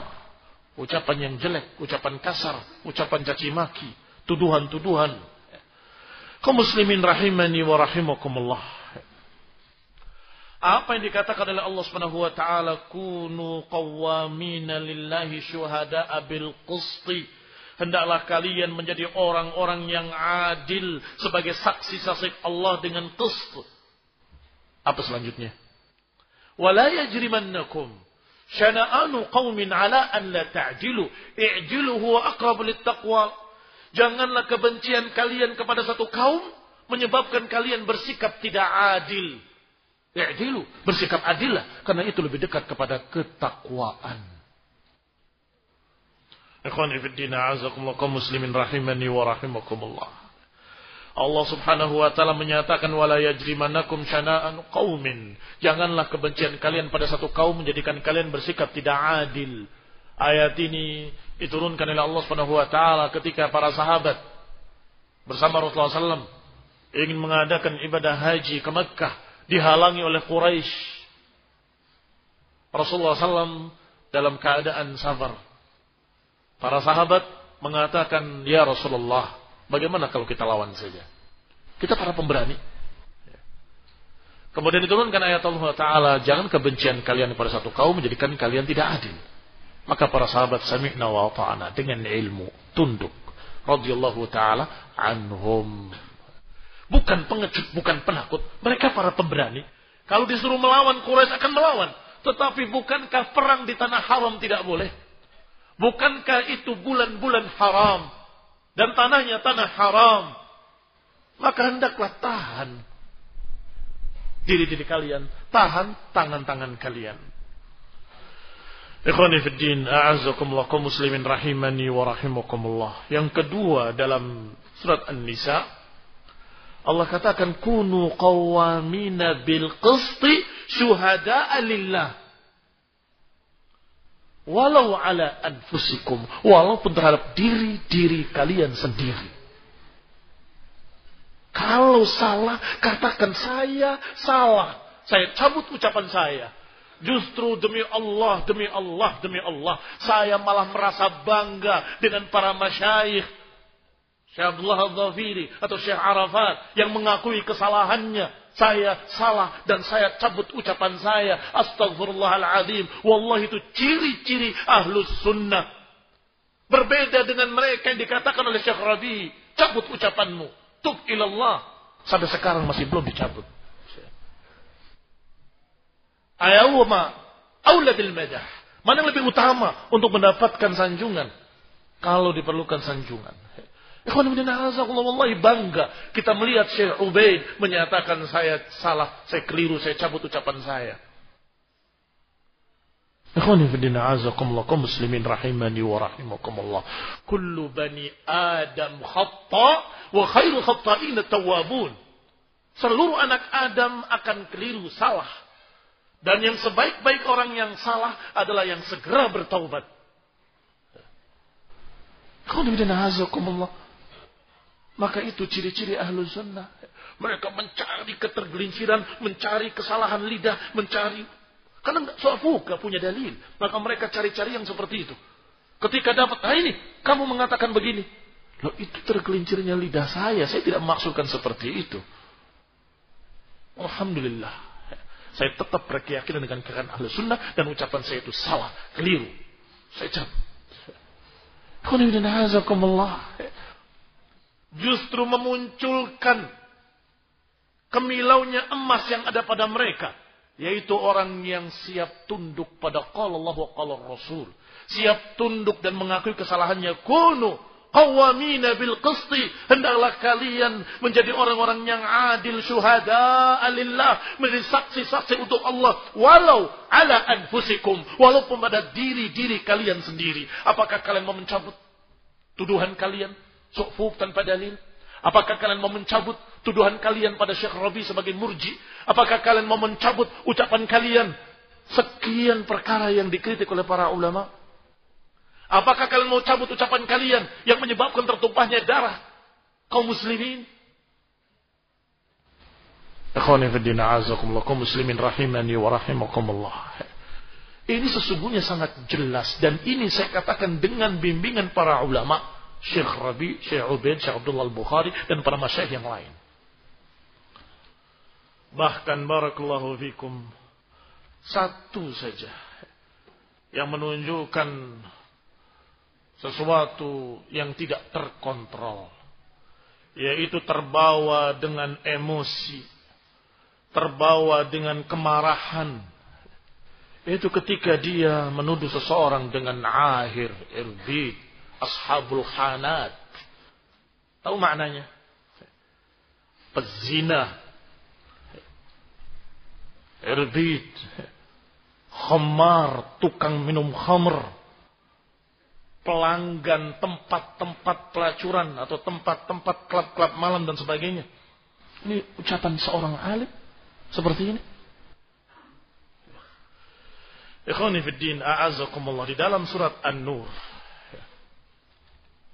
Allah Subhanahu wa taala menyatakan tentang hukum menuduh seorang berzina. Kalau kata Allah ilam ya'tu bi arba'ati syuhada, kalau mereka tidak membawa empat saksi, fajliduhum, cambuklah mereka, tamanina jalda, dengan 80 kali cambukan. Wala takbal dan jangan terima dari mereka syahadatan abada. Jangan terima persaksiannya selama-lamanya. Tuduhan zina. Mau empat saksi. Kalau tidak mau empat saksi, kita nggak terima persaksianmu selama-lamanya. Allah yang berfirman. Allah yang berkata. Apakah dia mau menantang mubahalah? Beliaunya yang dituduh sudah menantang mubahalah. Kenapa nggak diterima? Yang dituduh menyatakan, saya siap mubahala. Ikhwani fiddin, a'azzakumullah kaum muslimin rahimani wa rahimakumullah. Ayat berikutnya yang ke-13 dalam surat An-Nur. Wa idlam ya'tu bisyuhada. Kalau mereka tidak mendatangkan saksi-saksi. Faulaika indallahi humul kadhibun. Maka mereka di sisi Allah kadhibun. Pendusta. Kalau engkau mau mencabutnya dan diberi istighfar, kami akan bangga. Itulah ciri-ciri ahlu sunnah. Saya cabut ucapan saya, saya menyesal. Atubu ilallah wa astagfirullahaladzim. Sebagaimana para masyarakat yang lain. Iya kan? Mudah, tidak susah murid-muridnya, pengikut-pengikutnya, mukolid-mukolidnya di Indonesia sini menyebarkan gambar orang tadi dengan perempuan ajami. Wallahi, kata para ulama, kalaupun kau melihat zinanya, kalau engkau sendiri tidak punya saksi, kemudian engkau mengatakan begini dan begitu, engkau dikatakan minal kadibin. Mengapa? Karena ayat yang menyatakan wa idlam ya'tu. Kalau tidak membawakan empat saksi, maka mereka humul kadibun. Indallahi humul kadibun. Mereka pendusta. Apalagi cuma gambar. Kapan juga gambarnya? Barangkali masa lalunya. Dia sudah taubat daripadanya. Astagfirullah. Berarti engkau memiliki dosa yang berikutnya. Bukan hanya tuduhan. Berarti engkau membongkar aib seseorang yang dia sudah taubat daripadanya. Astagfirullah. Sama dengan orang yang di sini, pengikutnya, mukallidnya, mengungkit-ungkit masalah laskar jihad yang sudah lewat sekian tahun yang lalu. Dan kita sudah taubat daripadanya, tertulis, terekam. Alhamdulillah. Sejenis, menjalis janis. Siapa yang duduk sejenis? Burung tidak hinggap kecuali dari orang yang sejenis. Di sana mengungkit masa lalu, di sini juga mengungkit masa lalu. Hada laisa barakallahu fikum min adabi ahli sunnah. Ini bukan adab ahli sunnah. Ikhwani fiddin, a'azakumullah muslimin rahimani wa rahimakumullah. Sudah disebutkan tadi adab-adab yang jelas dalam hikmah. Dan seorang yang alim adalah seorang yang diberi hikmah. Wa man yu'tal hikmata faqad utiya khairan katsira. Siapa yang diberi hikmah, maka dia diberi sekian banyak oleh Allah Subhanahu wa taala. Maka yang namanya ulama seharusnya mereka penuh hikmah karena memang memiliki ilmu. Allah Subhanahu wa taala menyatakan pada kalimat berikutnya pada ayat yang tadi. Setelah menyatakan walau ala anfusikum walaupun pada diri-diri kalian. Kemudian Allah katakan atau kerabat-kerabat kalian. Kemudian yang berikutnya, Allah Subhanahu wa taala menyatakan dengan kalimat dan Allah tidak suka dengan orang-orang yang melampaui batas. Ini khonibina azab catatan penting terakhir sebelum kita tutup adalah innallaha la yuhibbu Allah tidak suka orang-orang yang mu'tadin, orang-orang yang melampaui batas, orang-orang yang kebablasan, orang-orang yang berlebihan. Assalamualaikum warahmatullahi wabarakatuh. Subhanakallahumma hamdika asyhadu an la ilaha illa anta astaghfiruka wa atubu ilaik. Wassalamualaikum warahmatullahi wabarakatuh. السلام عليكم ورحمة الله وبركاته. إن الحمد لله نحمده ونستعينه ونستغفره ونعوذ بالله من شرور أنفسنا ومن سيئات أعمالنا من يهده الله فلا مضل له ومن يضلل فلا هادي له وأشهد أن لا إله إلا الله وحده لا شريك له وأشهد أن محمدا عبده ورسوله صلى الله عليه وعلى آله وأصحابه والتابعين وتابع التابعين ومن تبعهم بإحسان إلى يوم الدين. يا أيها الذين آمنوا اتقوا الله حق تقاته ولا تموتن إلا وأنتم مسلمون. يا أيها الناس اتقوا ربكم الذي خلقكم من نفس واحدة وخلق منها زوجها وبث منهما رجالا كثيرا ونساء واتقوا الله الذي تساءلون به والأرحام. إن الله كان عليكم رقيبا. يا أيها الذين آمنوا اتقوا الله وقولوا قولا سديدا. يصلح لكم أعمالكم ويغفر لكم ذنوبكم. ومن يطع الله ورسوله فقد فاز فوزا عظيما. أما بعد فإن خير الحديث كتاب الله وخير الهدي هدي محمد صلى الله عليه وعلى آله وسلم وشر الأمور محدثاتها فإن كل محدثة بدعة وكل بدعة ضلالة وكل ضلالة النار إخواني في الدين أعزكم الله ومسلمين رحمني ورحمكم الله kita masih pada ayat Allah subhanahu wa ta'ala dalam surat An-Nisa ayat 135 kunu qawwamina bil qisti ya ayyuhalladzina amanu kunu qawwamina bil qist syuhada'a lillah walau ala anfusikum wahai orang-orang yang beriman jadilah kalian orang-orang yang tegak menegakkan keadilan sebagai saksi-saksi Allah Subhanahu wa taala walaupun terhadap diri-diri kalian. Yang disebut adil adalah menyatakan yang sebenarnya. Kalau benar dikatakan benar, Kalau salah dikatakan salah. Dengan hujah dan dengan bukti-bukti. Kalau seseorang menganggap benar apa yang mendukung dirinya, apa pun itu, dan menyalahkan semua yang menyalahkan dirinya, apa pun itu, maka dia orang yang tidak adil. Dengan kata lain, zalim. Disebutkan walau ala anfusikum Walaupun terhadap diri-diri kalian sendiri. Kalau salah, katakan saya salah. Awil walidain. Ataupun orang tuamu sendiri. Wal akrabin. Ataupun kerabat dekatmu. Kalau benar katakan benar, kalau salah katakan salah. Kunu qawwamina bil qusti. Kemudian Allah Subhanahu wa taala menyatakan in yakun ghaniyan au faqiran fallahu aula bihima. Kalau dia miskin atau kaya, kalau dia kaya ataupun miskin, tetap Allah aula bihima. Allah lebih utama, lebih dipentingkan daripada kedua-duanya, yang miskin ataupun kaya. Artinya jangan berubah dari kebenaran. Jangan bergeser dari hujah hanya karena kaya atau miskin. Kasihan miskin, ya nggak salah. Padahal salah. Jangan. Demikian pula sebaliknya.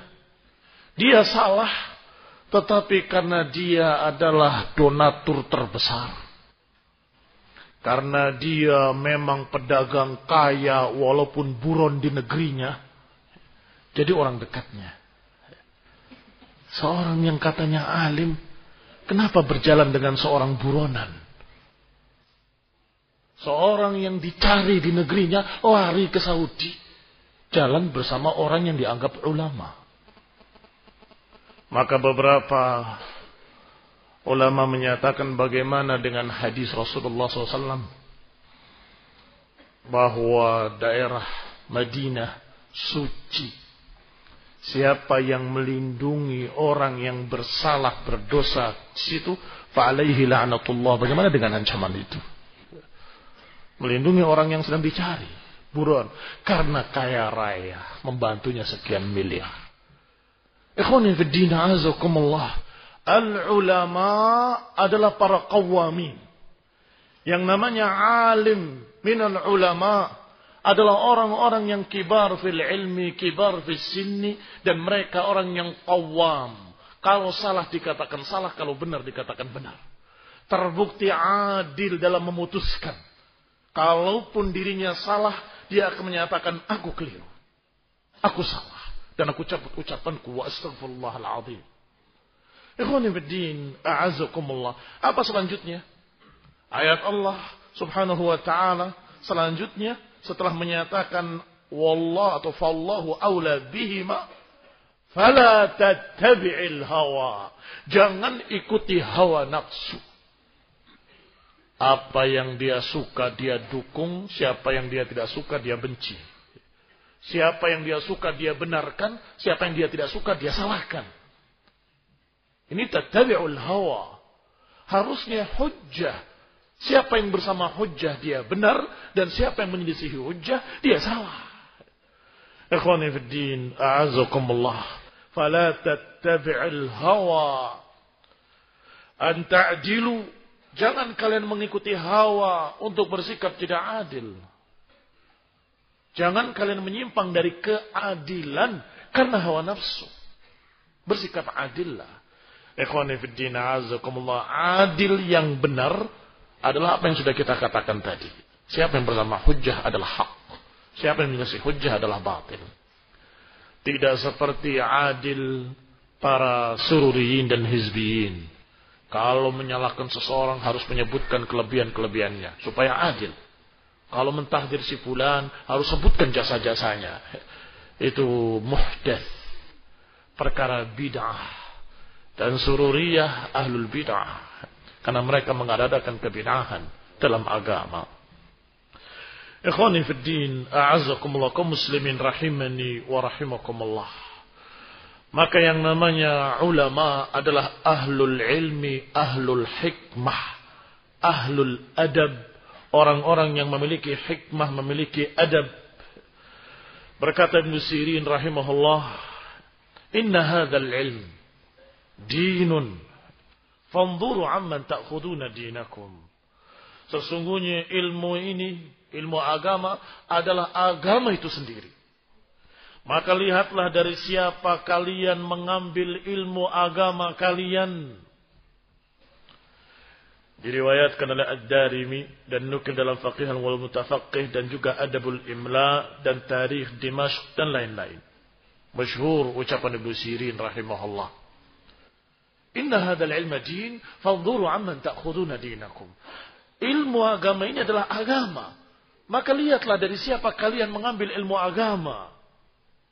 Berkata Ibn Wahab rahimahullah, "Ma ta'allamtu min adabi Malik afdal min ilmihi." Apa yang aku dapatkan dari adabnya Imam Malik sungguh lebih banyak daripada ilmunya, lebih afdal daripada ilmunya. Ikhwani fillah azakumullah mengapa lebih afdal? Lebih mengena kalau kamu dapatkan ilmu itu secara praktek.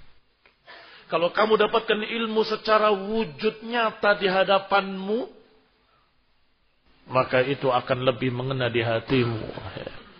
Berbeda dengan mereka-mereka yang berkata, jangan merokok nak sambil megang rokok. Apakah akan mengena pada anaknya? Tak akan. Maka para ulama, yang benar-benar ulama, mereka-mereka yang adabnya pantas diikuti, pantas ditiru, karena adabnya mencerminkan ilmunya. Itu para ulama. Ikhwani fi din azam sebagaimana kata Ibnu Wahab tadi dinukil dalam nasihat ahli ilmi bahwa aku mempelajari adabnya Imam Malik itu lebih banyak, lebih afdal daripada ilmu yang aku dapatkan. Tentunya adabnya Imam Malik juga ilmu kaum muslimin rahimani wa rahimakumullah. Demikian pula dikatakan oleh para ulama kata Abu Bakar Ibn al-Mutawwi'i ikhtalaftu ila Abi Abdullah Ahmad ibn Hanbal aku berbolak-balik ke majlisnya Ahmad ibn Hanbal itnatai ashrata sanah 12 tahun. Wahuwa yakra'ul musnad ala auladi. Ketika beliau membacakan musnad pada anak-anaknya. Aku hadir. Kata beliau. Fama katabtu minhu hadithan wahida. Aku tidak mencatat satu hadis pun. Innama kuntu anzuru ila hadiyihi wa akhlaqihi wa adabihi. Kata Abu Bakar al-Mutawwi'i. Karena aku mengambil dan melihat. Mempelajari adabnya beliau, bimbingan beliau, akhlak beliau. 12 tahun. Memperhatikan bagaimana adabnya Imam Ahmad. Ikhwani fiddin, a'azakumullah. Al-Hasan ibn Ismail, rahimahullah. Beliau berkata, aku mendengar ayahku berkata, Kana yajtami' fi majlisi Ahmad Zahaun khamsata alafin au yazidun bahwasanya berkumpul di majlisnya Imam Ahmad itu lima ribu orang atau lebih. Aqallu min khamsami'ah yaktubun. Kurang dari 500 yang mencatat ilmu. Wal baqun sisanya yata'allamuna min husnil adab. Sisanya mempelajari bagusnya adab Imam Ahmad rahimahullah. Wa husnus samt. Akhlak yang baik. Ikhwani fi din, a'azzakumullah kaum muslimin rahimani wa rahimakumullah. Kadang-kadang ketika kita membaca adab mereka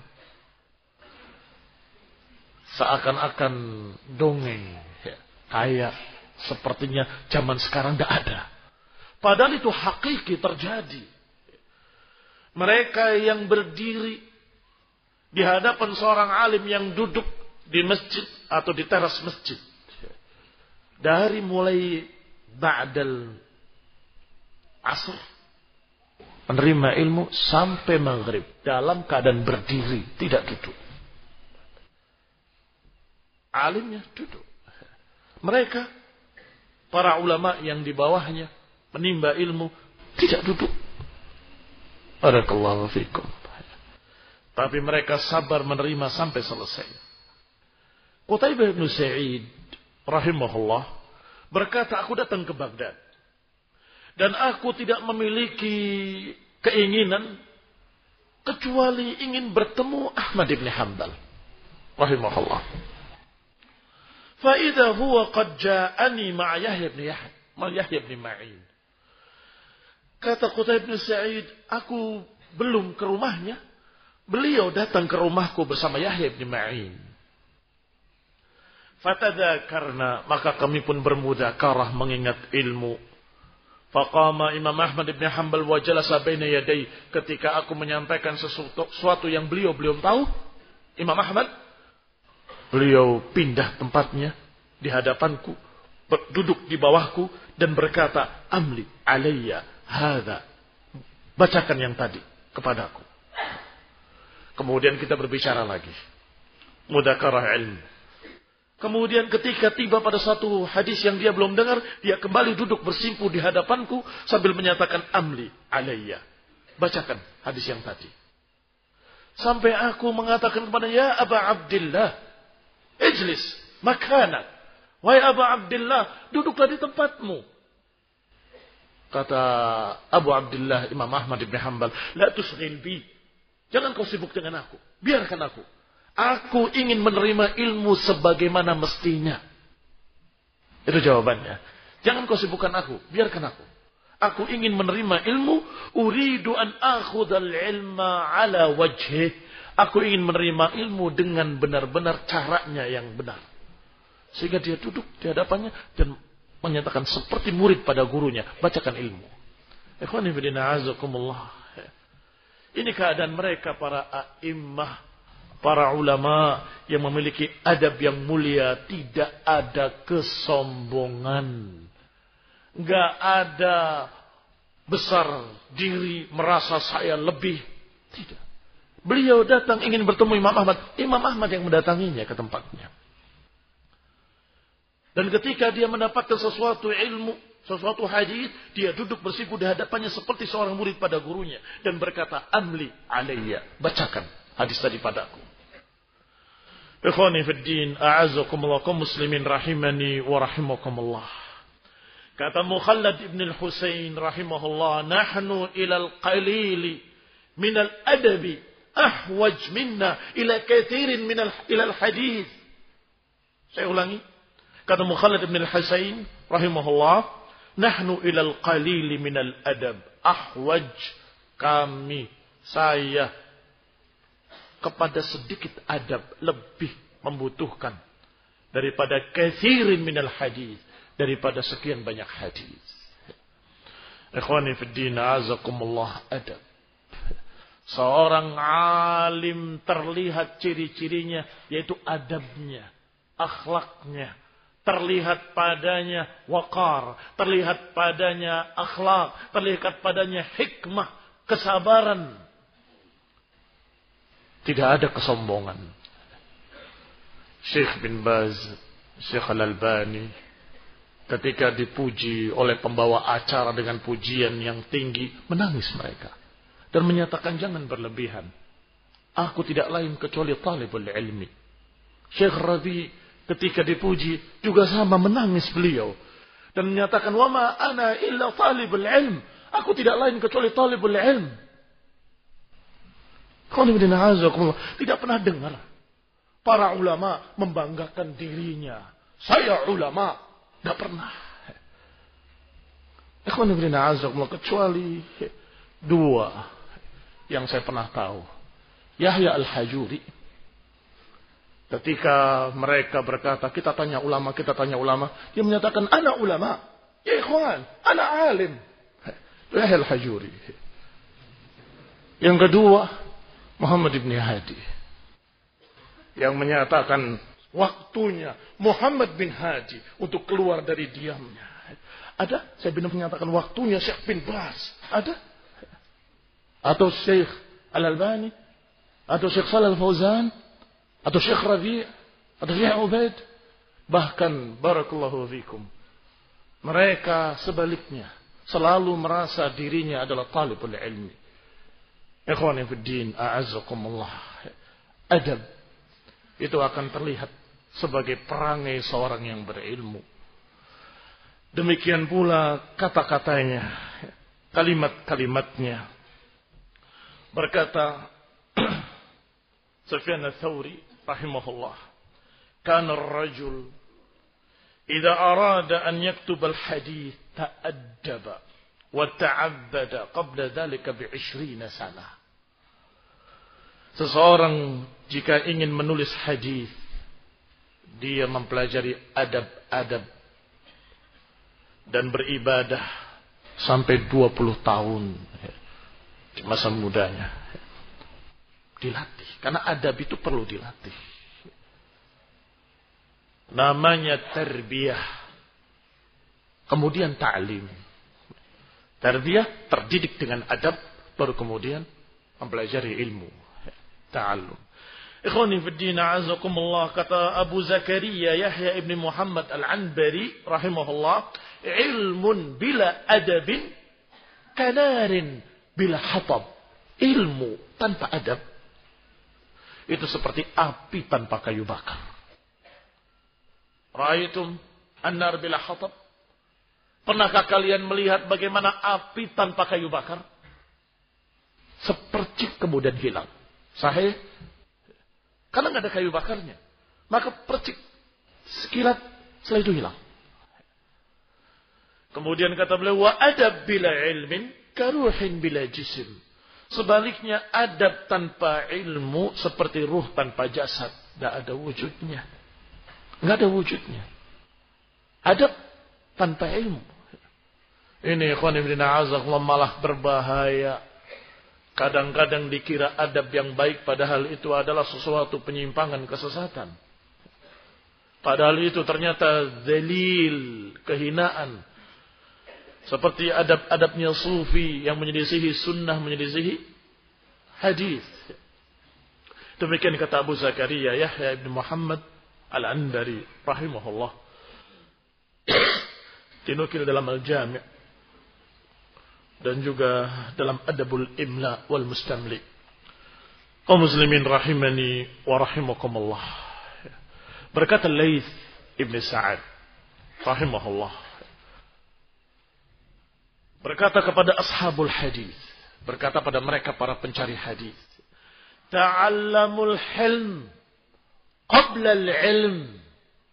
Pelajarilah al-hilm qabla al-ilm Demikian kata beliau menasehati para tulabul ilmi, menasehati para pencari ilmu, para ashabul hadis. Kata Laits bin Sa'ad, Imam Laits bin Sa'ad menyatakan ta'allamu al-hilm. Pelajarilah kelembutan, adab yang baik sebelum kalian mempelajari ilmu. Jangan sampai membawa ilmu dalam keadaan kurang atau tidak memiliki adab. Pelajari al-hilm. Al-hilm barakallahu fikum adalah sifat yang dipuji. Ketika Asyaj ibn Abdul Qais radhiyallahu taala anhu dengan rombongannya datang menemui Rasulullah SAW untuk menyatakan keislaman. Ketika sampai di Madinah, mereka semua berhamburan menemui Rasulullah SAW kecuali pimpinannya Asyaj ibn Abdul Qais. Beliau beresi barang-barangnya, beliau ikat kendaraan-kendaraan mereka, maka datang belakangan. Ketika ditanya apakah kalian mewakili kaum kalian masuk Islam? Iya, kami mewakili. Kata Asad, ya Rasulullah, kami hanya memiliki diriku dan teman-temanku ini. Kami menyatakan keislaman untuk diri-diri kami. Adapun kaum kami, kami akan sampaikan pada mereka.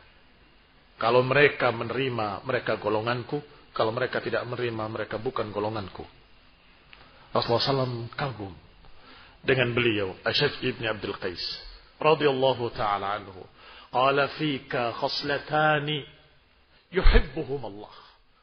Engkau memiliki dua sifat yang dicintai oleh Allah Subhanahu wa taala, al-hilm wal anah. Inna fika khoslatan. Pada dirimu ada dua sifat. Yuhibbuhum Allah yang Allah sukai dari al-hilmu wal ana kelembutan dan ana. Apa itu ana? Saya belum dapatkan terjemahan yang pas. Ana itu tidak terburu-buru. Kadang-kadang dikatakan tenang. Tetapi maknanya tenang yang tidak terburu-buru yakni seorang yang tidak serta-merta menjawab tetapi dia pikir dahulu, dia lihat dahulu sampai dia katakan ucapan yang pas. Ini ana ta'anni. Jangan terburu-buru. Sabarlah dan ini barakallahu fikum yang ada pada sekian banyak para sahabat radhiyallahu alaihim ajma'in, diikuti oleh para tabi'in, diikuti oleh tabi'it tabi'in dan diikuti oleh para a'immah, para imam-imam. Mereka setiap berbicara kata-katanya betul-betul dipikirkan sebelum keluar. Sehingga kata-katanya tepat pas. Bahkan ketika mencontohkan subhanallah saya heran mereka para ulama dalam buku-buku mereka, dalam ucapan mereka. Ketika mencontohkan tiga. Ternyata tiga ini tidak sembarangan. Yang satu mewakili yang ini, satu mewakili yang itu, satu mewakili yang ini. Bukan tiga itu sama, tidak. Ternyata beliau sebutkan tiga karena ada tiga model. Disebutkan tiga contoh.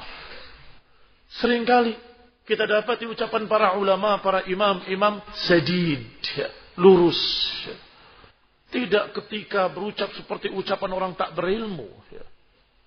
Akhir, irbil, khamar. Ini kalimat-kalimat yang jarang, bahkan hampir nggak pernah saya dengar kalimat seperti itu dari para masyayikh wal ulama. Ikhwani fi din, a'azzakumullah muslimin rahimani wa rahimakumullah. Kita baca ucapan Ibn Qayyim rahimahullah tentang masalah ini. Qala al-Imam Ibnu Qayyim rahimahullah, "Ats-tsani min aqsamil. Yang kedua dari jenis kedustaan. Adalah al-khabar alladzi la yajuzul khabar bihi. Berita yang tidak boleh diberitakan. Wa in kana khabaruhu mutabiqan limukhbirihi berita yang tidak boleh diberitakan walaupun beritanya mencocoki kebenaran. Ka khabaril qadhif al-munfarid biru'yati zina. Kata Ibn Qayyim, contohnya seperti berita orang yang menuduh zina pada seseorang dan dia melihat orang itu berzina. Fa'innahu kadhibun fi hukmillah. Dia berdusta menurut hukum Allah. Kata Ibn Qayyim rahimahullah. Mengapa? Wa in kana khabaruhu mutabiqan li mukhbiri. Walaupun beritanya benar, mencocoki kebenaran. Karena Allah Subhanahu wa taala berfirman, "Laula ja'u alaihi bi arba'ati syuhada, fa id lam ya'tu bisyuhada, fa ulaika 'indallahi humul kadzibun." Kata Muqayyim, karena Allah berfirman, kalau mereka membawakan empat saksi, jika mereka tidak mendatangkan empat saksi, maka mereka di sisi Allah sebagai pendusta. Bayangkan kata Muqayyim, dia lihat tapi sendirian. Tidak boleh diberitakan. Bisa dibayangkan. Kalau dia tidak lihat sama sekali. Lebih parah lagi. Kedusaannya. Qala fahukmullahi. Fi misli hadha an yu'aqab uqubatal muftari.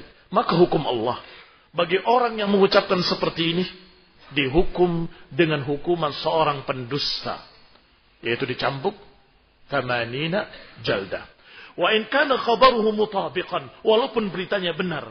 Wa ala hadza fala tatahaqqaq taubatuhu hatta ya'tarif bi annahu kadibun indallah. Maka tidak bisa terwujud taubatnya sampai dia mengakui bahwa dirinya berdusta di sisi Allah Taala. Jadi menyesali bahwa dia telah berdusta. Kama akhbar Allah Taala sebagaimana Allah kabarkan tentang ini Faida lam faid lam ya'tarif bi annahu kadhib kalau dia tidak mengakui dirinya pendusta atau berdusta wa ja'alahu Allahu kadiban dijadikan oleh Allah dia berdusta fa taubatin lahu maka taubat apa kalau dia tidak mengakui bahwa dia telah berdusta wa hal hadza illa mahdul israr Kalau tidak mengakui dia berdusta, maka itu hanya israr. Hanya terus-menerus dalam kesalahannya. Wal mujaharah. Dan terang-terangan dalam dosa. Menyelisihi hukum Allah subhanahu wa ta'ala. Yang Allah hukumkan atasnya. Bahwa dia berdusta. Ini jenis kedustaan. Yang kedua kata Ibnu Qayyim, kata Ibnu Qayyim rahimahullah. Silahkan lihat Madarijus Salikin. Juz pertama halaman 344. Dan jangan kalian bicara bahwa itu kan hanya masyainya fulan, fulan, Syekh Robi, Syekh Ubaid, Syekh Robi, Syekh Ubaid, Syekh Abdullah Bukhari. Syekh Abdul Muhsin Al-Abbad, hafizahullah. Ba'da dzikrihi nuqulat an ahli ilm, setelah membawakan sekian nukilan dari para ulama, beliau berkata, "Wa yatahassal min hadhihi nuqulat mayali." Maka disimpulkan dari nukilan-nukilan para ulama tersebut sebagai berikut. Kesimpulannya, annal qadhif bahwa sang penuduh asyatum yang mencela dengan kalimat ka'an yaqul seperti dia berkata ya zanin au ya ahir dicontohkan ya ahir ini lafaz yang disebutkan oleh Syekh Muhammad bin Hadi turaddu syahadatuhu orang ini ditolak persaksiannya abadan Wa riwayatuhu ittifaqan. Dan ditolak pula riwayatnya secara ittifaq. Mau apa lagi? Sadaqah Syekh Rabi. La tahdur. Jangan hadir majelisnya. Benar Syekh Rabi. Ketika menyatakan jangan hadiri. Tidak diterima. Riwayatnya. Illa an yatuba wa yuslih. Kata Syekh Al-Bunus Al-Abbad. Kecuali kalau dia bertaubat dan memperbaiki. Dan Ibnu Qayyim tadi menyatakan Bertaubatnya dengan mengakui saya telah berdusta. Dan saya salah. Ikhwani fi dina azallah kaum muslimin rahimani wa rahimakumullah. Demikianlah apa yang bisa saya sampaikan pada malam hari ini. Assalamualaikum taufiq wal afiyah wal hidayah wa rahmah. Aqulu qawli hadha wa astaghfirullah al-azim. Saya menyampaikan dan saya beristighfar pada apa yang keliru dari saya. Semoga Allah Ta'ala memberikan pahala pada apa yang bermanfaat bagi kita, untuk kami dan kalian dan untuk semua yang mendengar. Wa taufiq wal afiyah wal hidayah wa rahmah. Subhanakallahumma bihamdika asyhadu an la ilaha illa anta astaghfiruka wa atubu ilaik. Wassalamualaikum warahmatullahi wabarakatuh. Baik. Bismillah, alhamdulillah, salatu wassalamu ala rasulullah wa ala alihi wa ashabihi wa mawalah. Amma ba'd. Ada beberapa pertanyaan. Ustaz, bagaimana menyikapi santri-santrinya para musafiqin di Muntilan ini? Yang sebagian santri mereka baru mengaji. Khonifuddin azakumullah. Syekh Rabi di dalam syarah Aqidatus Salaf wa Ashabul Hadith ketika membahas tentang ahlul bid'ah beliau bagi dua. Awamnya dan tokoh-tokohnya. Adapun awamnya mereka dinasehati seperti orang awam. Aja didekati, diajak ngobrol, dinasehati. Adapun juru fitnahnya, penebar syubhatnya, maka dijauhi, dihindari. Sebagaimana nasihat seluruh para imam-imam ahlus sunnah. Tempat kami ada para muqalidnya Muhammad bin Hadi dan Askari dan sering salat di masjid lima waktu bersama-sama. Namun kami merasa risih jika bersebelahan dengan mereka. Karena kalau sholat sebanyak, seringnya nggak khusyuk. Bolehkah kami mengusirnya? Nggak boleh. Innal masajid lillah. Wa annal masajid lillah. Maksudnya masjid-masjid milik Allah subhanahu wa ta'ala. Dan mereka masih muslimin. Jangan kebablasan. Jangan kebablasan. Bahkan yang murjiah Bahkan tokohnya murjiah. Dikatakan oleh beberapa ulama, saya lupa apakah Sufyan Tsauri atau Sufyan bin Uyainah. Menyatakan la yudhilluni wa iyyaka saqfun abadan illa al-masjid. Tidak akan menaungi aku dan kamu satu atap selama-lamanya kecuali masjid. Masih dikecualikan masjid. Mengapa? Mereka ke masjid, kita ke masjid. Jangan sampai kemudian kita tidak ke masjid karena ada ahlul bid'ah di sana. Atau jangan sampai ahlul bid'ahnya diusir nggak boleh sholat di masjid. Apalagi yang seperti ini. Barakallahu fikum. Apakah sikap terhadap mereka disamaratakan antara tokoh dengan pengikutnya sudah terjawab tadi. Dan kalau mau baca silakan lihat syarahnya Syekh Rabi terhadap Aqidatus Salaf wa Ashabul Hadis. Beliau menyatakan awamuhum dan tokoh mereka dibedakan oleh beliau. Rahimahullah taala. Bolehkah kita untuk mengajak dialog salah satu dari pengikut mereka yang tampaknya masih baru dan awal-awal ngaji? Boleh. Dan kewajiban kamu menasihati dia. Bukan berdebat. Kalau kelihatannya dia sudah oh, pandai berdebat, tinggalkan. Jangan buang-buang waktu. Baik. Afan Ustaz, kenapa tergabung yang tergabung dengan Askari dan Dulakmal adalah orang-orang yang bermasalah? Kenapa ya? Yang tergabung dengan mereka adalah orang-orang yang pernah ditahdir, yang pernah diperingatkan, yang pernah ditegur, yang diumumkan penyimpangannya. Maka mereka semua dendam. Ketika mereka melihat musuhnya sama, mereka gabung. Begitu. Sama yang di Saudi juga demikian.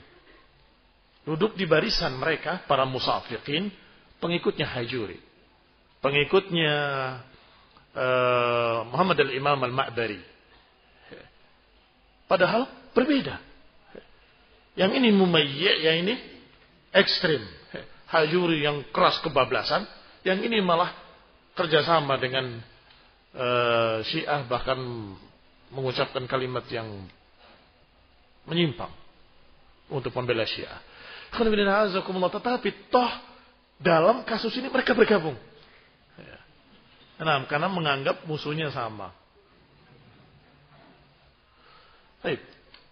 Ustaz, apa sebenarnya yang mendasari Syekh Muhammad bin Hadi sampai beliau mentahdir mencela para ulama alus sunnah tanpa dalil padahal semua ini kita mengetahui ketokohan beliau. Itu yang saya heran. Dan itu pula yang Syekh Abdullah Al-Bukhari heran. Beliau berkata, saya sudah sampaikan berkali-kali. Empat mata di rumah beliau. Mereka itu murid-murid antum. Mereka itu selalu, itu yang ditahdir oleh Syekh Muhammad bin Hadi dikatakan Sa'afiqah. Itu murid-murid senior beliau. Aneh kan? Yang paling depan, yang paling rajin ngajinya. Sedangkan yang tadi itu yang sekarang dekat sama Syekh Muhammad bin Hadi, justru itu tadi tidak rajin ngaji, bahkan jarang ngaji. Nah, bisa terbalik. Murid-murid terdekatnya menjauh, orang-orang yang jarang ngaji malah mendatang, mendekat. Mereka murid-murid antum. Kalau mereka salah, tegur mereka. Mereka insya Allah menerima. Kalau tidak melalui, tidak langsung pada mereka, kepada saya sampaikan. Saya akan nasihati mereka. Saya akan tegur mereka. Tidak mau bicara. Tidak mau menyampaikan. Alasannya apa? Sampaikan pada anak. Anak akan nasihati mereka. Insya Allah mereka mendengar nasihat. Kalau mereka salah, mereka keliru, mereka menyimpang, sampaikan pada kami. Ini barakallahu fikum wallahu taala a'lam. Hanya beberapa orang menduga-duga. Ya. Karena mereka masya Allah ya, walaupun sopan tapi kritis. Seperti ketika ada satu masalah. Mereka akan katakan, ya Syekh, tidakkah sebenarnya sebaiknya begini? Tidakkah yang benar seperti itu? Kalau tidak mampu, sampaikan ke Syekh Rabi. Beliau dipanggil oleh Syekh Rabi. Seperti kasus yang tadi. Kasus masalah uh, pemikiran Haddadiyah itu. Masalah iman. Panggil. Bisa jadi Allah alam dianggap tukang wadul ini anak-anak muda ini. Gitu. Dokter fulan, dokter fulan ini. Lapor ke Serobi jadi dipanggil. Artinya hawa, hawa nafsu. Yang kedua yang terlihat adalah ketika kasus dia mengatakan udurnya buat Muhammad al-Imam. Muhammad al-Imam ma'adur. Ya. Sedangkan masyayih-masyayih muda tadi menyatakan Syekh Rabi sudah mentahdir. Syekh Ubaid sudah mentahdir. Dia mau menjadi undal. Dia begini, begini, begini. Marah. Syekh Muhammad bin Hadi. Ini barakallahu fikum kasus berikutnya. Dan ada beberapa kasus-kasus yang seperti itu modelnya. Barakallahu fikum. Apa sebenarnya penyimpangan yang paling mendasar dari Yahya al-Hajuri? Sudah disebutkan. Bahwa dia adalah orang yang kebablasan. Mentahdir hampir semua orang. Termasuk masyayikh kita ditahdir oleh dia. Seperti Hadadiyah. Mirip. Apakah fitnah sa'afiqah sama dengan fitnah komando yang disampaikan oleh Ustaz Ashkari? Bagaimana menyikapi para fanatikus Syekh Muhammad bin Hadi? Ikhwani fiddin, azakumullah walaupun tidak sama tapi ada kemiripan. Apa kemiripannya? Tuduhan para musafikin kepada masyayikh dengan so'afiqah tidak berdasar. Tuduhan mereka terhadap para asatidah dengan komando juga tidak berdasar. Tuduhan mereka dengan sekian alasan-alasan yang syibhud dalil. Padahal bukan dalil. Mirip dengan dalil padahal bukan dalil. Karena tidak cocok. Dan sudah pernah saya sampaikan. Komando Hizbiyah itu adalah seperti para pimpinan-pimpinan kelompok-kelompok sesat yang membaiat anak buahnya untuk sami'na wa ata'ana. Itu barakallahu fikum yang namanya komando hizbiyah. Tetapi kalau asatidah menyatakan kamu ya, jangan ngajar dulu, kamu belum mampu. Kalau engkau mau mendengarkan nasihatku, Jangan. Belajar dulu. Ini bukan komando, ini nasihat. Dan itu sudah ada jawaban dari Syekh Ubaid. Tinggal dengarkan. Kata beliau, apakah kalian mencambuk mereka kalau tidak mau nurut? Apakah kalian memenjarakan mereka kalau mereka tidak mau menuruti? Tidak. Ya berarti kalian tidak termasuk orang yang menjadi penguasa atau seperti negara dalam negara. Tidak. Kecuali kalau engkau menghukum siapa yang tidak nurut cambuk, siapa yang tidak nurut tangkap penjara. Berarti kamu baru menjadi tokoh hizbi yang menganggap kelompoknya sebagai negara dalam negara. Adapun kalimat fulan mubtadi'un dal, jauhi dia. Si fulan tidak pantas mengajar, tinggalkan dia. Ini barakallahu fikum tahdir yang jelas ada dalam manhaj ahlu sunnah. Kalau engkau mau mengikuti Alhamdulillah. Kalau tidak, apa hak kita? Kita bukan penguasa, nggak bisa menangkap, nggak bisa mencampur, tidak. Hanya bisa berkata, fulan tidak menerima nasihat. Selesai. Salahkah? Itu tugasnya asatidah. Itu tugasnya ustaz. Maka fitnah komando itu mirip dengan fitnah haula musafiqun dari sisi itu. Sama-sama tuduhan tak berdasar.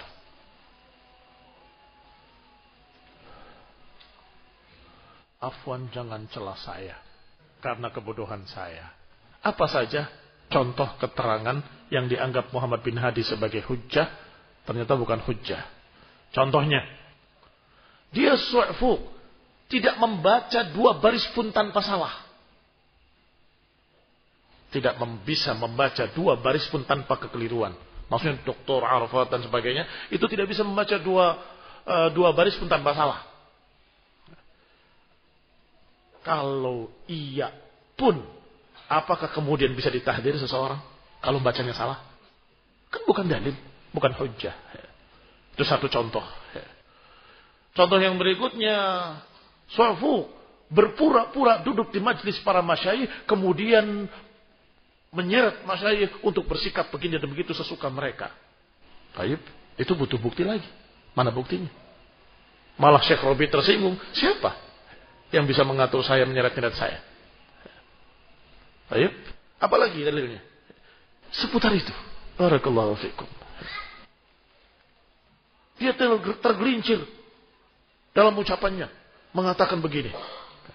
Apakah itu bisa sebagai hujah? Kalau dia sesat, dijauhi, sofu, nggak punya ilmu. Assalamualaikum Akhirnya justru senjata makan tuan. Apa akhirnya? Beliau sendiri tergelincir dalam sekian masalah yang lebih mengerikan dan akhirnya terbongkar. Ditulis tanda tangan tanggal Safarul Khair. Safarul Khair ini adalah ucapan yang bid'ah, tidak boleh. Safar tidak khair, tidak syar. Safar seperti bulan-bulan yang lainnya sama. Ini tertulis, tercetak. Mau ngapain? Sudah tobat belum?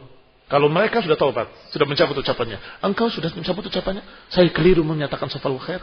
Syekh Uthaymin rahimahullah menyatakan bahwa mereka menyatakan safarul khair karena munculnya bid'ah-bid'ah orang-orang yang menyatakan safar itu bulan yang banyak wabah penyakit atau bulan yang banyak musibah. Maka dilawan dengan kalimat safar khair begitu. Padahal itu namanya kata Syekh Uthaymin membantah bid'ah dengan bid'ah. Ini berarti berat sekali. Baik, sudah dicabut? Belum. Baik ucapannya menyatakan husnul tali'. Wa min husnul tali' terekam dan saya dengar suaranya. Saya hafal suara beliau. Karena saya sudah tahu, sudah kenal sejak lama. Sejak sekian belas tahun yang lalu. Menyatakan wa min husnul tali'. Husnul tali' itu dengan bagusnya bintang yang muncul. Dan itu tidak berpengaruh. Yang tali' ataupun yang tenggelam tidak mempengaruhi keadaan. Ini masalah akidah. Sudah dicabut? Belum. Yang ketiga, ucapan yang ada beberapa ucapan-ucapan yang sampai ditulis oleh Syekh kita, Syekh Fawaz Al-Madkhali yang kemarin mengisi bersama kita di sini daurah, ditulis dengan judul Soalun Dunal apa? Biduni Jaizah. Sayembara tanpa hadiah. Sayembara tanpa hadiah. Apa pertanyaannya? Pantaskah orang yang salahnya seperti ini, yang diketahui oleh talib tingkat rendahan, pantaskah disebut sebagai al-hafidh, al-alim? Satu, yang mengatakan safarul khair. Dua, yang menyatakan husnul talih. Tiga, yang menyatakan begini. Sampai ada tiga atau empat silsilah. Yang bisa bikin kajian sendiri. Dalam masalah itu. Tayyib barakallahu fikum. Al-jaza'u min jinsil amal. Kalau mencari-cari kesalahan orang tergelincir, ternyata padamu ada lebih banyak lagi. Bahkan lebih besar. muslimin rahimani wa rahimakumullah tetapi kita bukan haddadi. Kita bukan hajuri sehingga kita tetap menyatakan dan harapan mudah-mudahan Syekh Muhammad bin Hadi mencabut ucapan-ucapan tersebut dan rujuk sebagaimana rujuknya para masyayikh kita yang dituduh sa'afik, musafik ya.